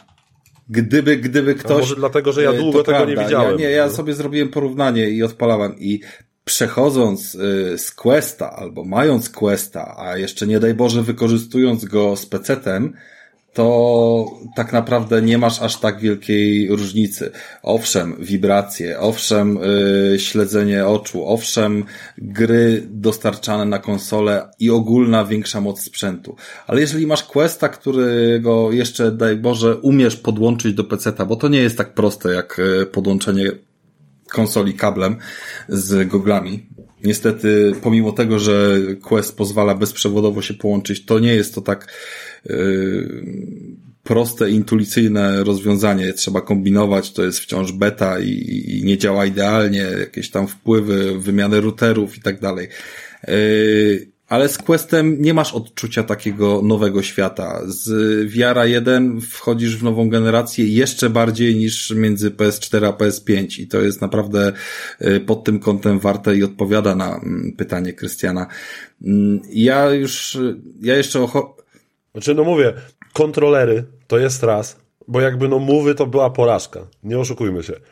Jakby no, znaczy, o, no, okay, Słuchaj, umówmy się, tam wtedy była decyzja, yy, mogli zrobić nowe kontrolery. Oczywiście, że mogli. Ale trzeba by było wydać więcej no, tak. pieniędzy, tak? A ileś osób miało te jeszcze stare i, i rynek wtórny i tak dalej i padła decyzja, zróbmy taniej, czego, czego nikt by się, wiesz, po Sony nie spodziewał, nie? Yy, ale jest dobrze, jest, jest tu naprawdę jakby ten, ten poziom dopracowany, jest kwestia no i mówię, ja się w tym Horizonie bawię świetnie. Jakby ja, ja chętnie jeszcze bym wrócił do tej gry. Ja wiem, że już jestem przy końcu i się tak ociągam, bo mi chyba zostały dwie ostatnie misje. I ja się mocno ociągam, bo zwyczajnie dobrze mi się w ten tytuł gra, mimo że na każdym kroku ja widzę, że to jest po prostu demo technologiczne i pokaz możliwości sprzętu, ale to jest zajebisty pokaz możliwości sprzętu. I jest, jest bardzo dobry. Czuć, sama ta wspinaczka, jeszcze szczególnie jak, jak ja gram na stojąco i mam sporo miejsca i ja naprawdę mogę pomachać, ja mogę się obrócić z tym łukiem, omachać tymi łapami wszędzie naokoło. Ja się na przykład zdarza mi się uchylać przed atakami po prostu kucając przy kanapie albo chowając się w trawie gdzieś tam jak były takie fragmenty. Wiesz, no to jest coś pięknego, naprawdę tytuł jest świetny, znaczy, mi dynamiczny. zupełnie pracowały nóg yy, podczas spinaczki, jakby faktycznie tak, chciało, tak, dokładnie. chciało się iść do góry. Zgadza się i ta wspinaczka ma swoje fajne mechaniki, które ja później dopiero odkryłem. Yy, jak idziesz normalnie, wiadomo, wyciągasz łapy, wspinasz się i tak dalej. Ja odkryłem, że jak machnę kontrolerem mocniej w dół, to moja postać się podciąga i skacze do góry. Taki jakby większy dystans pokonuje za jednym zamachem. I to jest, i to jest świetne też, że właśnie pomyśleli o takich rzeczach. I, I dzięki temu ta gra jest niesamowicie ja imersywna. Korzystając właśnie z tematu, przy którym jesteś, yy, pochwalić fizykę, która się tam pojawiła, jeżeli chodzi o przedmioty, bo yy, z jednej strony tak. nie ma tam w ogóle konieczności tak poza, nie wiem, obsługą łuku czy tego wspinania, to, to, to jest jakby koniec gry, jeżeli chodzi o aspekty mechaniczne. Ale mimo to bo czasem trzeba jakąś Ale to dalej, jakby nie ma, nie ma żadnych więcej technicznych wymagań, y, że coś należałoby zrobić, żeby to było wymagane do rozgrywki. Ale mimo to została bardzo dobra fizyka i zawsze fizykę w grach należy doceniać, y, zastosowana. Jak y, dorwałem się do jakiegoś pierwszego mm, miejsca, gdzie było porozrzucane parę rzeczy i tam pies drapał jakieś bębenki czy, czy, czy harmoniki, na których można było grać i, i się pobawić chwilę. Ale po prostu, wiecie, skrzynki. Jeżeli złapiesz skrzynkę za krawędź jedną ręką, taką, wiecie, otwartą, bez pokrywki, to ona, to ona opada. opada, jest tak. ciężka, tak? Złapiesz ją dwoma rękami, to, to jest jakby od razu jest inny, czuć ten ciężar dzięki temu i ten naprawdę, no nie czuć, nie czuć. Można złapać jedną ręką za klapę skrzynki, a drugą za skrzynkę i sobie próbować zatrzasnąć na głowie na przykład. Ja wczoraj na z przykład, to próbowałem zrobić. Ja, ja zrobiłem coś takiego, że tam był moment, w którym znalazłem jakąś pochodnię, e, potem, potem znalazłem e, jakąś skrzynkę i znalazłem taki kubek i pochodnia do tego kubka pasowała jak e, kijek do dziurki, wiecie o co chodzi, więc jakby mhm, więc jak sobie wstawiłem tą pochodnię do tego, e, do tego kubeczka. I ona stała, ale się przewróciła pod własnym ciężarem i zrobiła to niesamowicie naturalnie. Można było ustawić ją lepiej, ale jeżeli wykonałeś jakkolwiek ruch zbyt zbyt dynamicznie, zbyt gwałtownie, to się mhm. przewracała, nie? Więc to było coś w stylu kładzenia monety. Naprawdę tu to widać. było coś w stylu kła, po, kłaść na krawędzi, na no. krawędzi. No. I bardzo mi się podobała właśnie ta delikatność, dlatego, że ja sobie Fizyka, potem dokładnie. ten kubeczek postawiłem jeszcze na czymś innym, jeszcze tam postawiłem tą yy...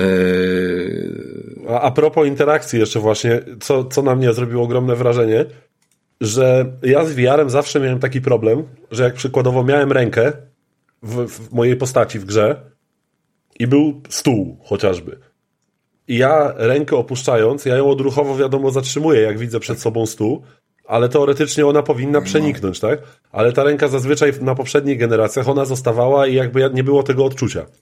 Natomiast tutaj, w momencie, kiedy ręka dociera do stołu, to normalnie w kontrolerze jest puknięcie. Tak, i masz takie podświadome że, że, sygnał do tak, mózgu, że stary, cię blokuje. I, i to, Dokładnie i mózg dostaje taki sygnał, że ty autentycznie zatrzymujesz tę rękę tak, jakbyś trafił na stół. Tak jest. I to jest taki detal i te kontrolery potrafią zmienić naprawdę dużo.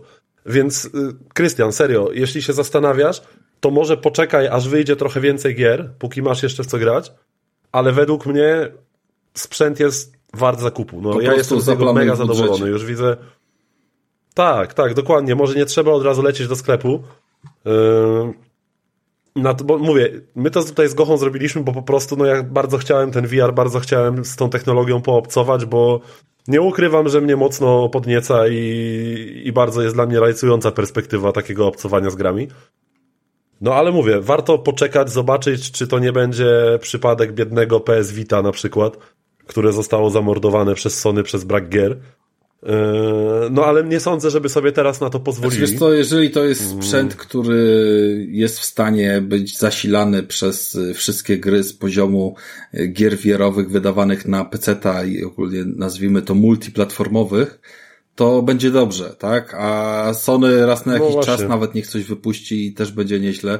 Jakby dla mnie samo Gran Turismo... Nawet niech wypuszczą drugą część tego Horizona, Słuchaj, już bardziej jako pełnoprawną grę. Samo Gran Turismo Stary, jest no. y, wartością co najmniej tysiąca złotych z tych trzech, które kosztują gogle. E, a na pozostałe dwa jestem w stanie sobie uzasadnić jakby, wiesz, inną kwestią. I, i teraz już przejdę. Bo widzę tu już do, do trzech, do trzech dojeżdżamy, godzin. Słuchajcie, do, dojeżdżamy do trzech trzeba godzin, trzeba podsumowywać, więc ja będę miał do Was takie jedno pytanie. E, pytanie zadam, ale odpowiem najpierw sam jakby na to pytanie. Czyli tradycyjnie. E, tak, żebyście się mieli chwilę zastanowić. Nie, no, nie pierdolcie, dużo czasu wam dzisiaj dałem antenowego nawet. E, Za mało, kurwa. Krystian, Krystian w szczególności jest dzisiaj doceniony. No ale, ale uznajmy, że to jest po prostu wszystko dla niego, żeby wiedział na co wydawać, a na co nie wydawać swoich ciężko zarobionych pieniędzy. Funciaków. Jedna rzecz, która zrobiła największe wrażenie na Was y, w tym sprzęcie. I zastanówcie się, a ja od razu przejdę do odpowiedzi, bo, bo wiem, co chcę przedstawić. Y, z uwagi na to, że jakby i ta wysoka rozdzielczość, y, czy, czy, czy jakieś zaawansowanie, powiedzmy, fizyczne tych gier, różnych takich rzeczy, to już były różne historie, z którymi miałem styczność i, i aż takiego wielkiego wow nie było. Same kontrolery też dużo, dużo się działo, ale powiedzmy dalej e, traktuję to jako mądrą ewolucję rozwiązań rynkowych i spoko. To, co zrobiło na mnie największe wrażenie, to jest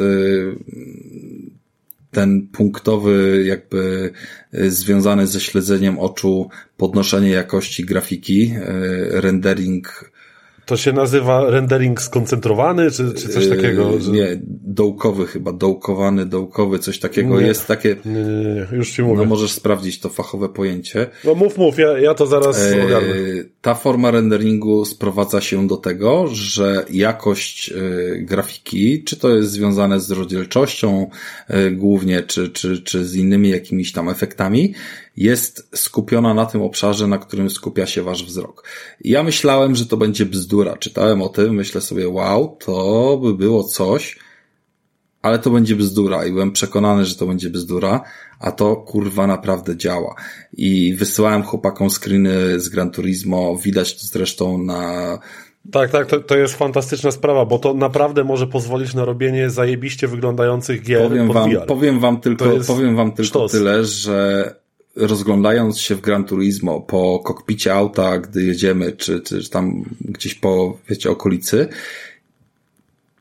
nie ma możliwości, żebyście cokolwiek zobaczyli, jak działa ten efekt. On jest całkowicie poza waszą kontrolą, bo w momencie, gdy patrzycie na coś, zanim wasze oczy złapią ostrość na tym momencie, to jest ułamek sekundy, to gra już wygeneruje w tym miejscu grafikę tej jakości, jakiej jest oczekiwana. A w innym miejscu te zasoby zaoszczędzi. I to jest sztos, to jest coś zajebistego, to może być wykorzystywane na wiele sposobów, yy, nietestowane jeszcze, ale widziałem już jakieś gameplay z dema, że jakiś no i, horror. No i to jest coś, co chyba. Jakiś horror zmierza, który będzie wykorzystywał w ogóle efekt mrugania, żeby podczas mrugania. No i właśnie w ogóle wydaje mi się, że ta technologia, wydaje mi się, że ta technologia to jest w ogóle coś, czego żadne inne Google nie mają. Nie? nie wiem, jak te premium y, różne obiekty, więc. Dobra, bo ja Krystian, coś powiedzieć. Krystian, no, zaraz dawaj. powiesz, y, ja, ja chcę tylko dokończyć Strasznie błądzicie, przerywacie sobie, błądzicie. No Mikołaj, Mikołaj, Mikołaj. szybciej to, słuchajcie, ja chcę iść spać, pierdolicie już trzy godziny prawie o tym. I ja o niczym nie wiem, kompletnie o niczym nie wiem. E, czy, czy przypadkiem opcja, której Rafał mówisz, nie ma tego problemu, że jak spojrzysz kątem oka gdzieś indziej... Nie, nie, dlatego, że wystarczy, że nie. nie ruszysz głową. To nie jest związane z tym, gdzie masz skierowaną głowę, tylko gdzie masz skierowane oczy. Więc jeżeli ruszysz oczami w bok, to tam będzie ostro, nawet jeżeli nie ruszysz głową. To jest związane ze śledzeniem no, oczu. No, to jest tam, ciekawe. Gdzie, no tam, gdzie masz ostrość, jest ok. I kiedy widać ten efekt? Jest tylko jedna sytuacja, kiedy widać ten efekt. Jeżeli jesteś obserwatorem tego, jak ktoś gra na telewizorze, bo wtedy obraz jest po prostu przepuszczany. On nie jest drugi raz generowany na telewizor, tylko leci jeden do jednego mirror, tylko w mniejszym jakby obszarze kątowym yy, na telewizor. I jeżeli powiesz, Gośka, patrz się prosto, a teraz nie ruszaj głową i spójrz się w prawo, to ty zobaczysz, jak się wyostrzy tam nie wiem, powiedzmy kierownica, czy... czy no, kra krawędzie tak, tekstur, krawędzie tekstur i, tak dalej, I, I one się wyróżnią i to niesamowicie widać, gdy patrzysz na telewizor tego, jak ktoś gra. Znaczy, nie mówię, że to jest tak, że w tych bocznych miejscach to schodzi, wiesz, do poziomu PSX-a, nie? Ale, ale widać tą cofkę. Widać po prostu, że tam zjeżdżamy w dół, nie? I, i jest po prostu bieda. No to jest fajna technologia. A w momencie, gdy spojrzysz nawet kątem oka, wiesz, nie, nie obracając głową, bo ja, ja, nie obracam głową, jak prowadzę samochód, ale kątem oka patrzę na lusterko. Mi wystarczy kątem oka spojrzeć na to lusterko ja tam mam ostry obraz, nie? I to jest zajebiste, to jest cudowne. Nie możesz tego zobaczyć, kiedy jesteś w goglach. Oczywiście, jeżeli technologia jest dobrze zaimplementowana, nie? Ale no, przynajmniej studia Sony pokazały w tych dwóch tytułach, że to można zrobić dobrze. W Horizonie to jest i w Gran Turismo to jest.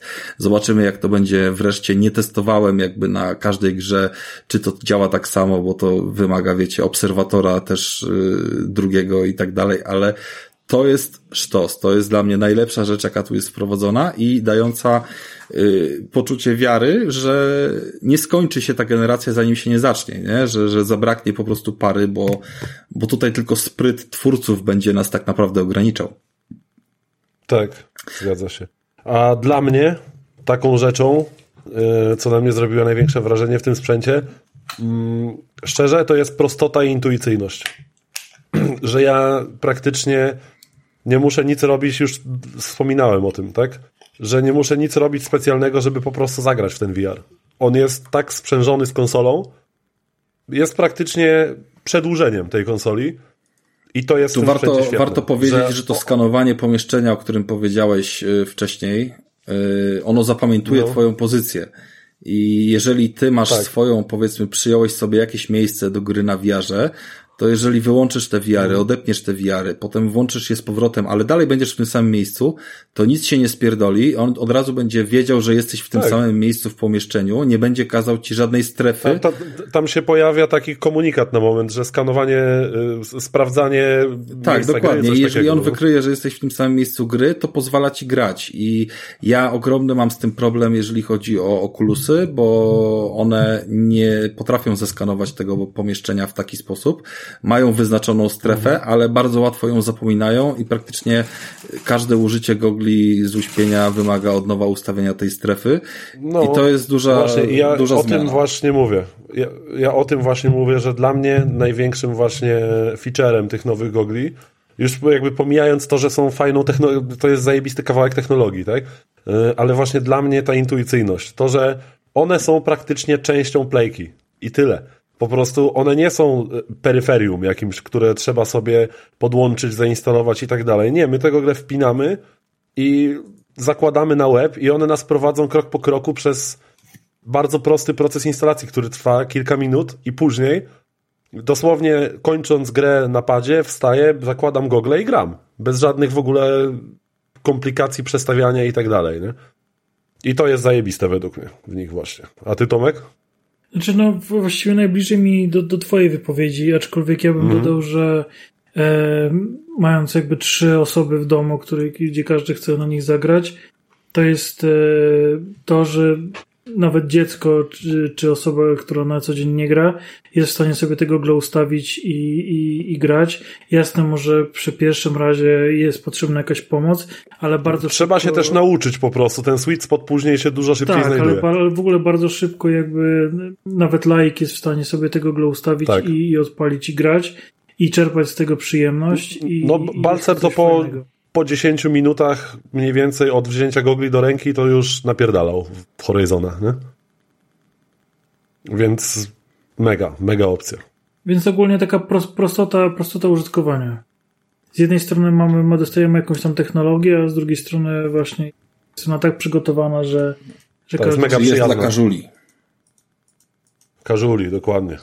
Dobra, słuchajcie, trzeba to Słuchajcie, trzeba opić, te, tak trzeba opić ten odcinek, słuchajcie, bo trzy godziny pełne to dawno nie było. No, chyba jeden z pierwszych odcinków, w których byłem, to były pełne trzy godzinki.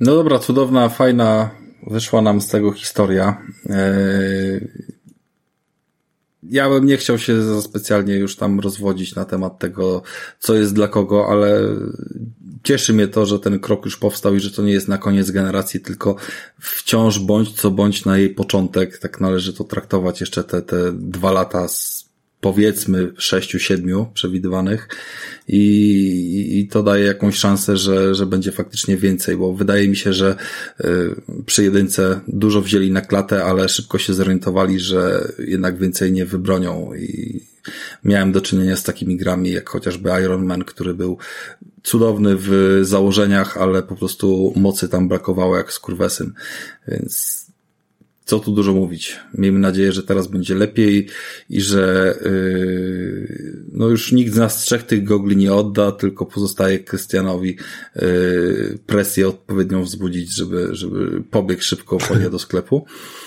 Mm. A są, w przeciwieństwie A są, o dziwo są, więc spoko. Słuchajcie, no to kończmy w takim razie ten wspaniały odcinek yy, pod hasłem yy, wszelkie możliwe rzeczy, na które można wydać swoje yy, ciężko zarobione pieniądze. Bezimienny 231 nagrany w fantastycznym dniu określonym w kalendarzu jako 3 marca w składzie następującym Tomasz Arrow, Star Wars Wasiewicz, E, tak, dzięki za dzisiaj. Chciałem tylko dodać jeszcze do Edge'a, że brakuje mi tam kombinacji klawiszy, żeby było obłożyć. Zamiast po prostu e, klawiszy. Makro, no, ty już byś, ty już tak, byś chciał cheatować. Dwa, już wszystko, dwa klawisze, żeby podpiąć, bo wtedy A, no laptopa kupił Hogwarts Legacy byłoby fantastyczne. No, lepiej Windowsa zainstaluj mhm. w ogóle, tam najpierw zacznij. E, był ze mną również e, Mikołaj Sushi Weiser. Byłem, tak jest. Zjadłem w chuj tego sushi w trakcie odcinka w sumie. Bardzo dobre no, było. Czuć, czuć właśnie. No. Czuć, pachnie rybą? Łe. tak, dzięki I, wielkie. I był ze mną Fajnie oczywiście było. niezastąpiony Krystian Gaduła Kender. No byłem, byłem. Nie, nic nie wiem, dzięki chłopaki, nic nie wiem. Trzymajcie się. Wiesz, że nic nie wiesz. Tak, no a ja, ja prowadziłem ten odcinek, nazywam się niezmiennie Rafał, tylko brzmi inaczej, bo to jest nowy mikrofon i słuchajcie, nie powiedziałem wam tego, ale to jest mikrofon, który łączy wszystkie cechy dzisiejszego odcinka, ponieważ jednocześnie jest Razerem i jednocześnie jest y, sygnowany logiem PlayStation. Krystian nie chciał, Krystian nie chciał mi za niego zapłacić, twierdząc, że... Krystian no, zemdlał pewnie. Nie, nie chciał, słuchaj, kłócił się... Ja musiałem za, nie, za to pieniądze no, Dokładnie, no bo jakby była umowa, że mikrofon jest, wiesz, przez patronów, yy, tak jakby było zapisane. Możesz zdjąć już ten cel, możesz zrobić edycję. Dobra, słuchajcie, wszystkiego dobrego, yy, bierzcie wiary, bawcie się, otwierajcie się na nowe rzeczy, trzymajcie się, heja. Bo warto. Pa, pa, pa.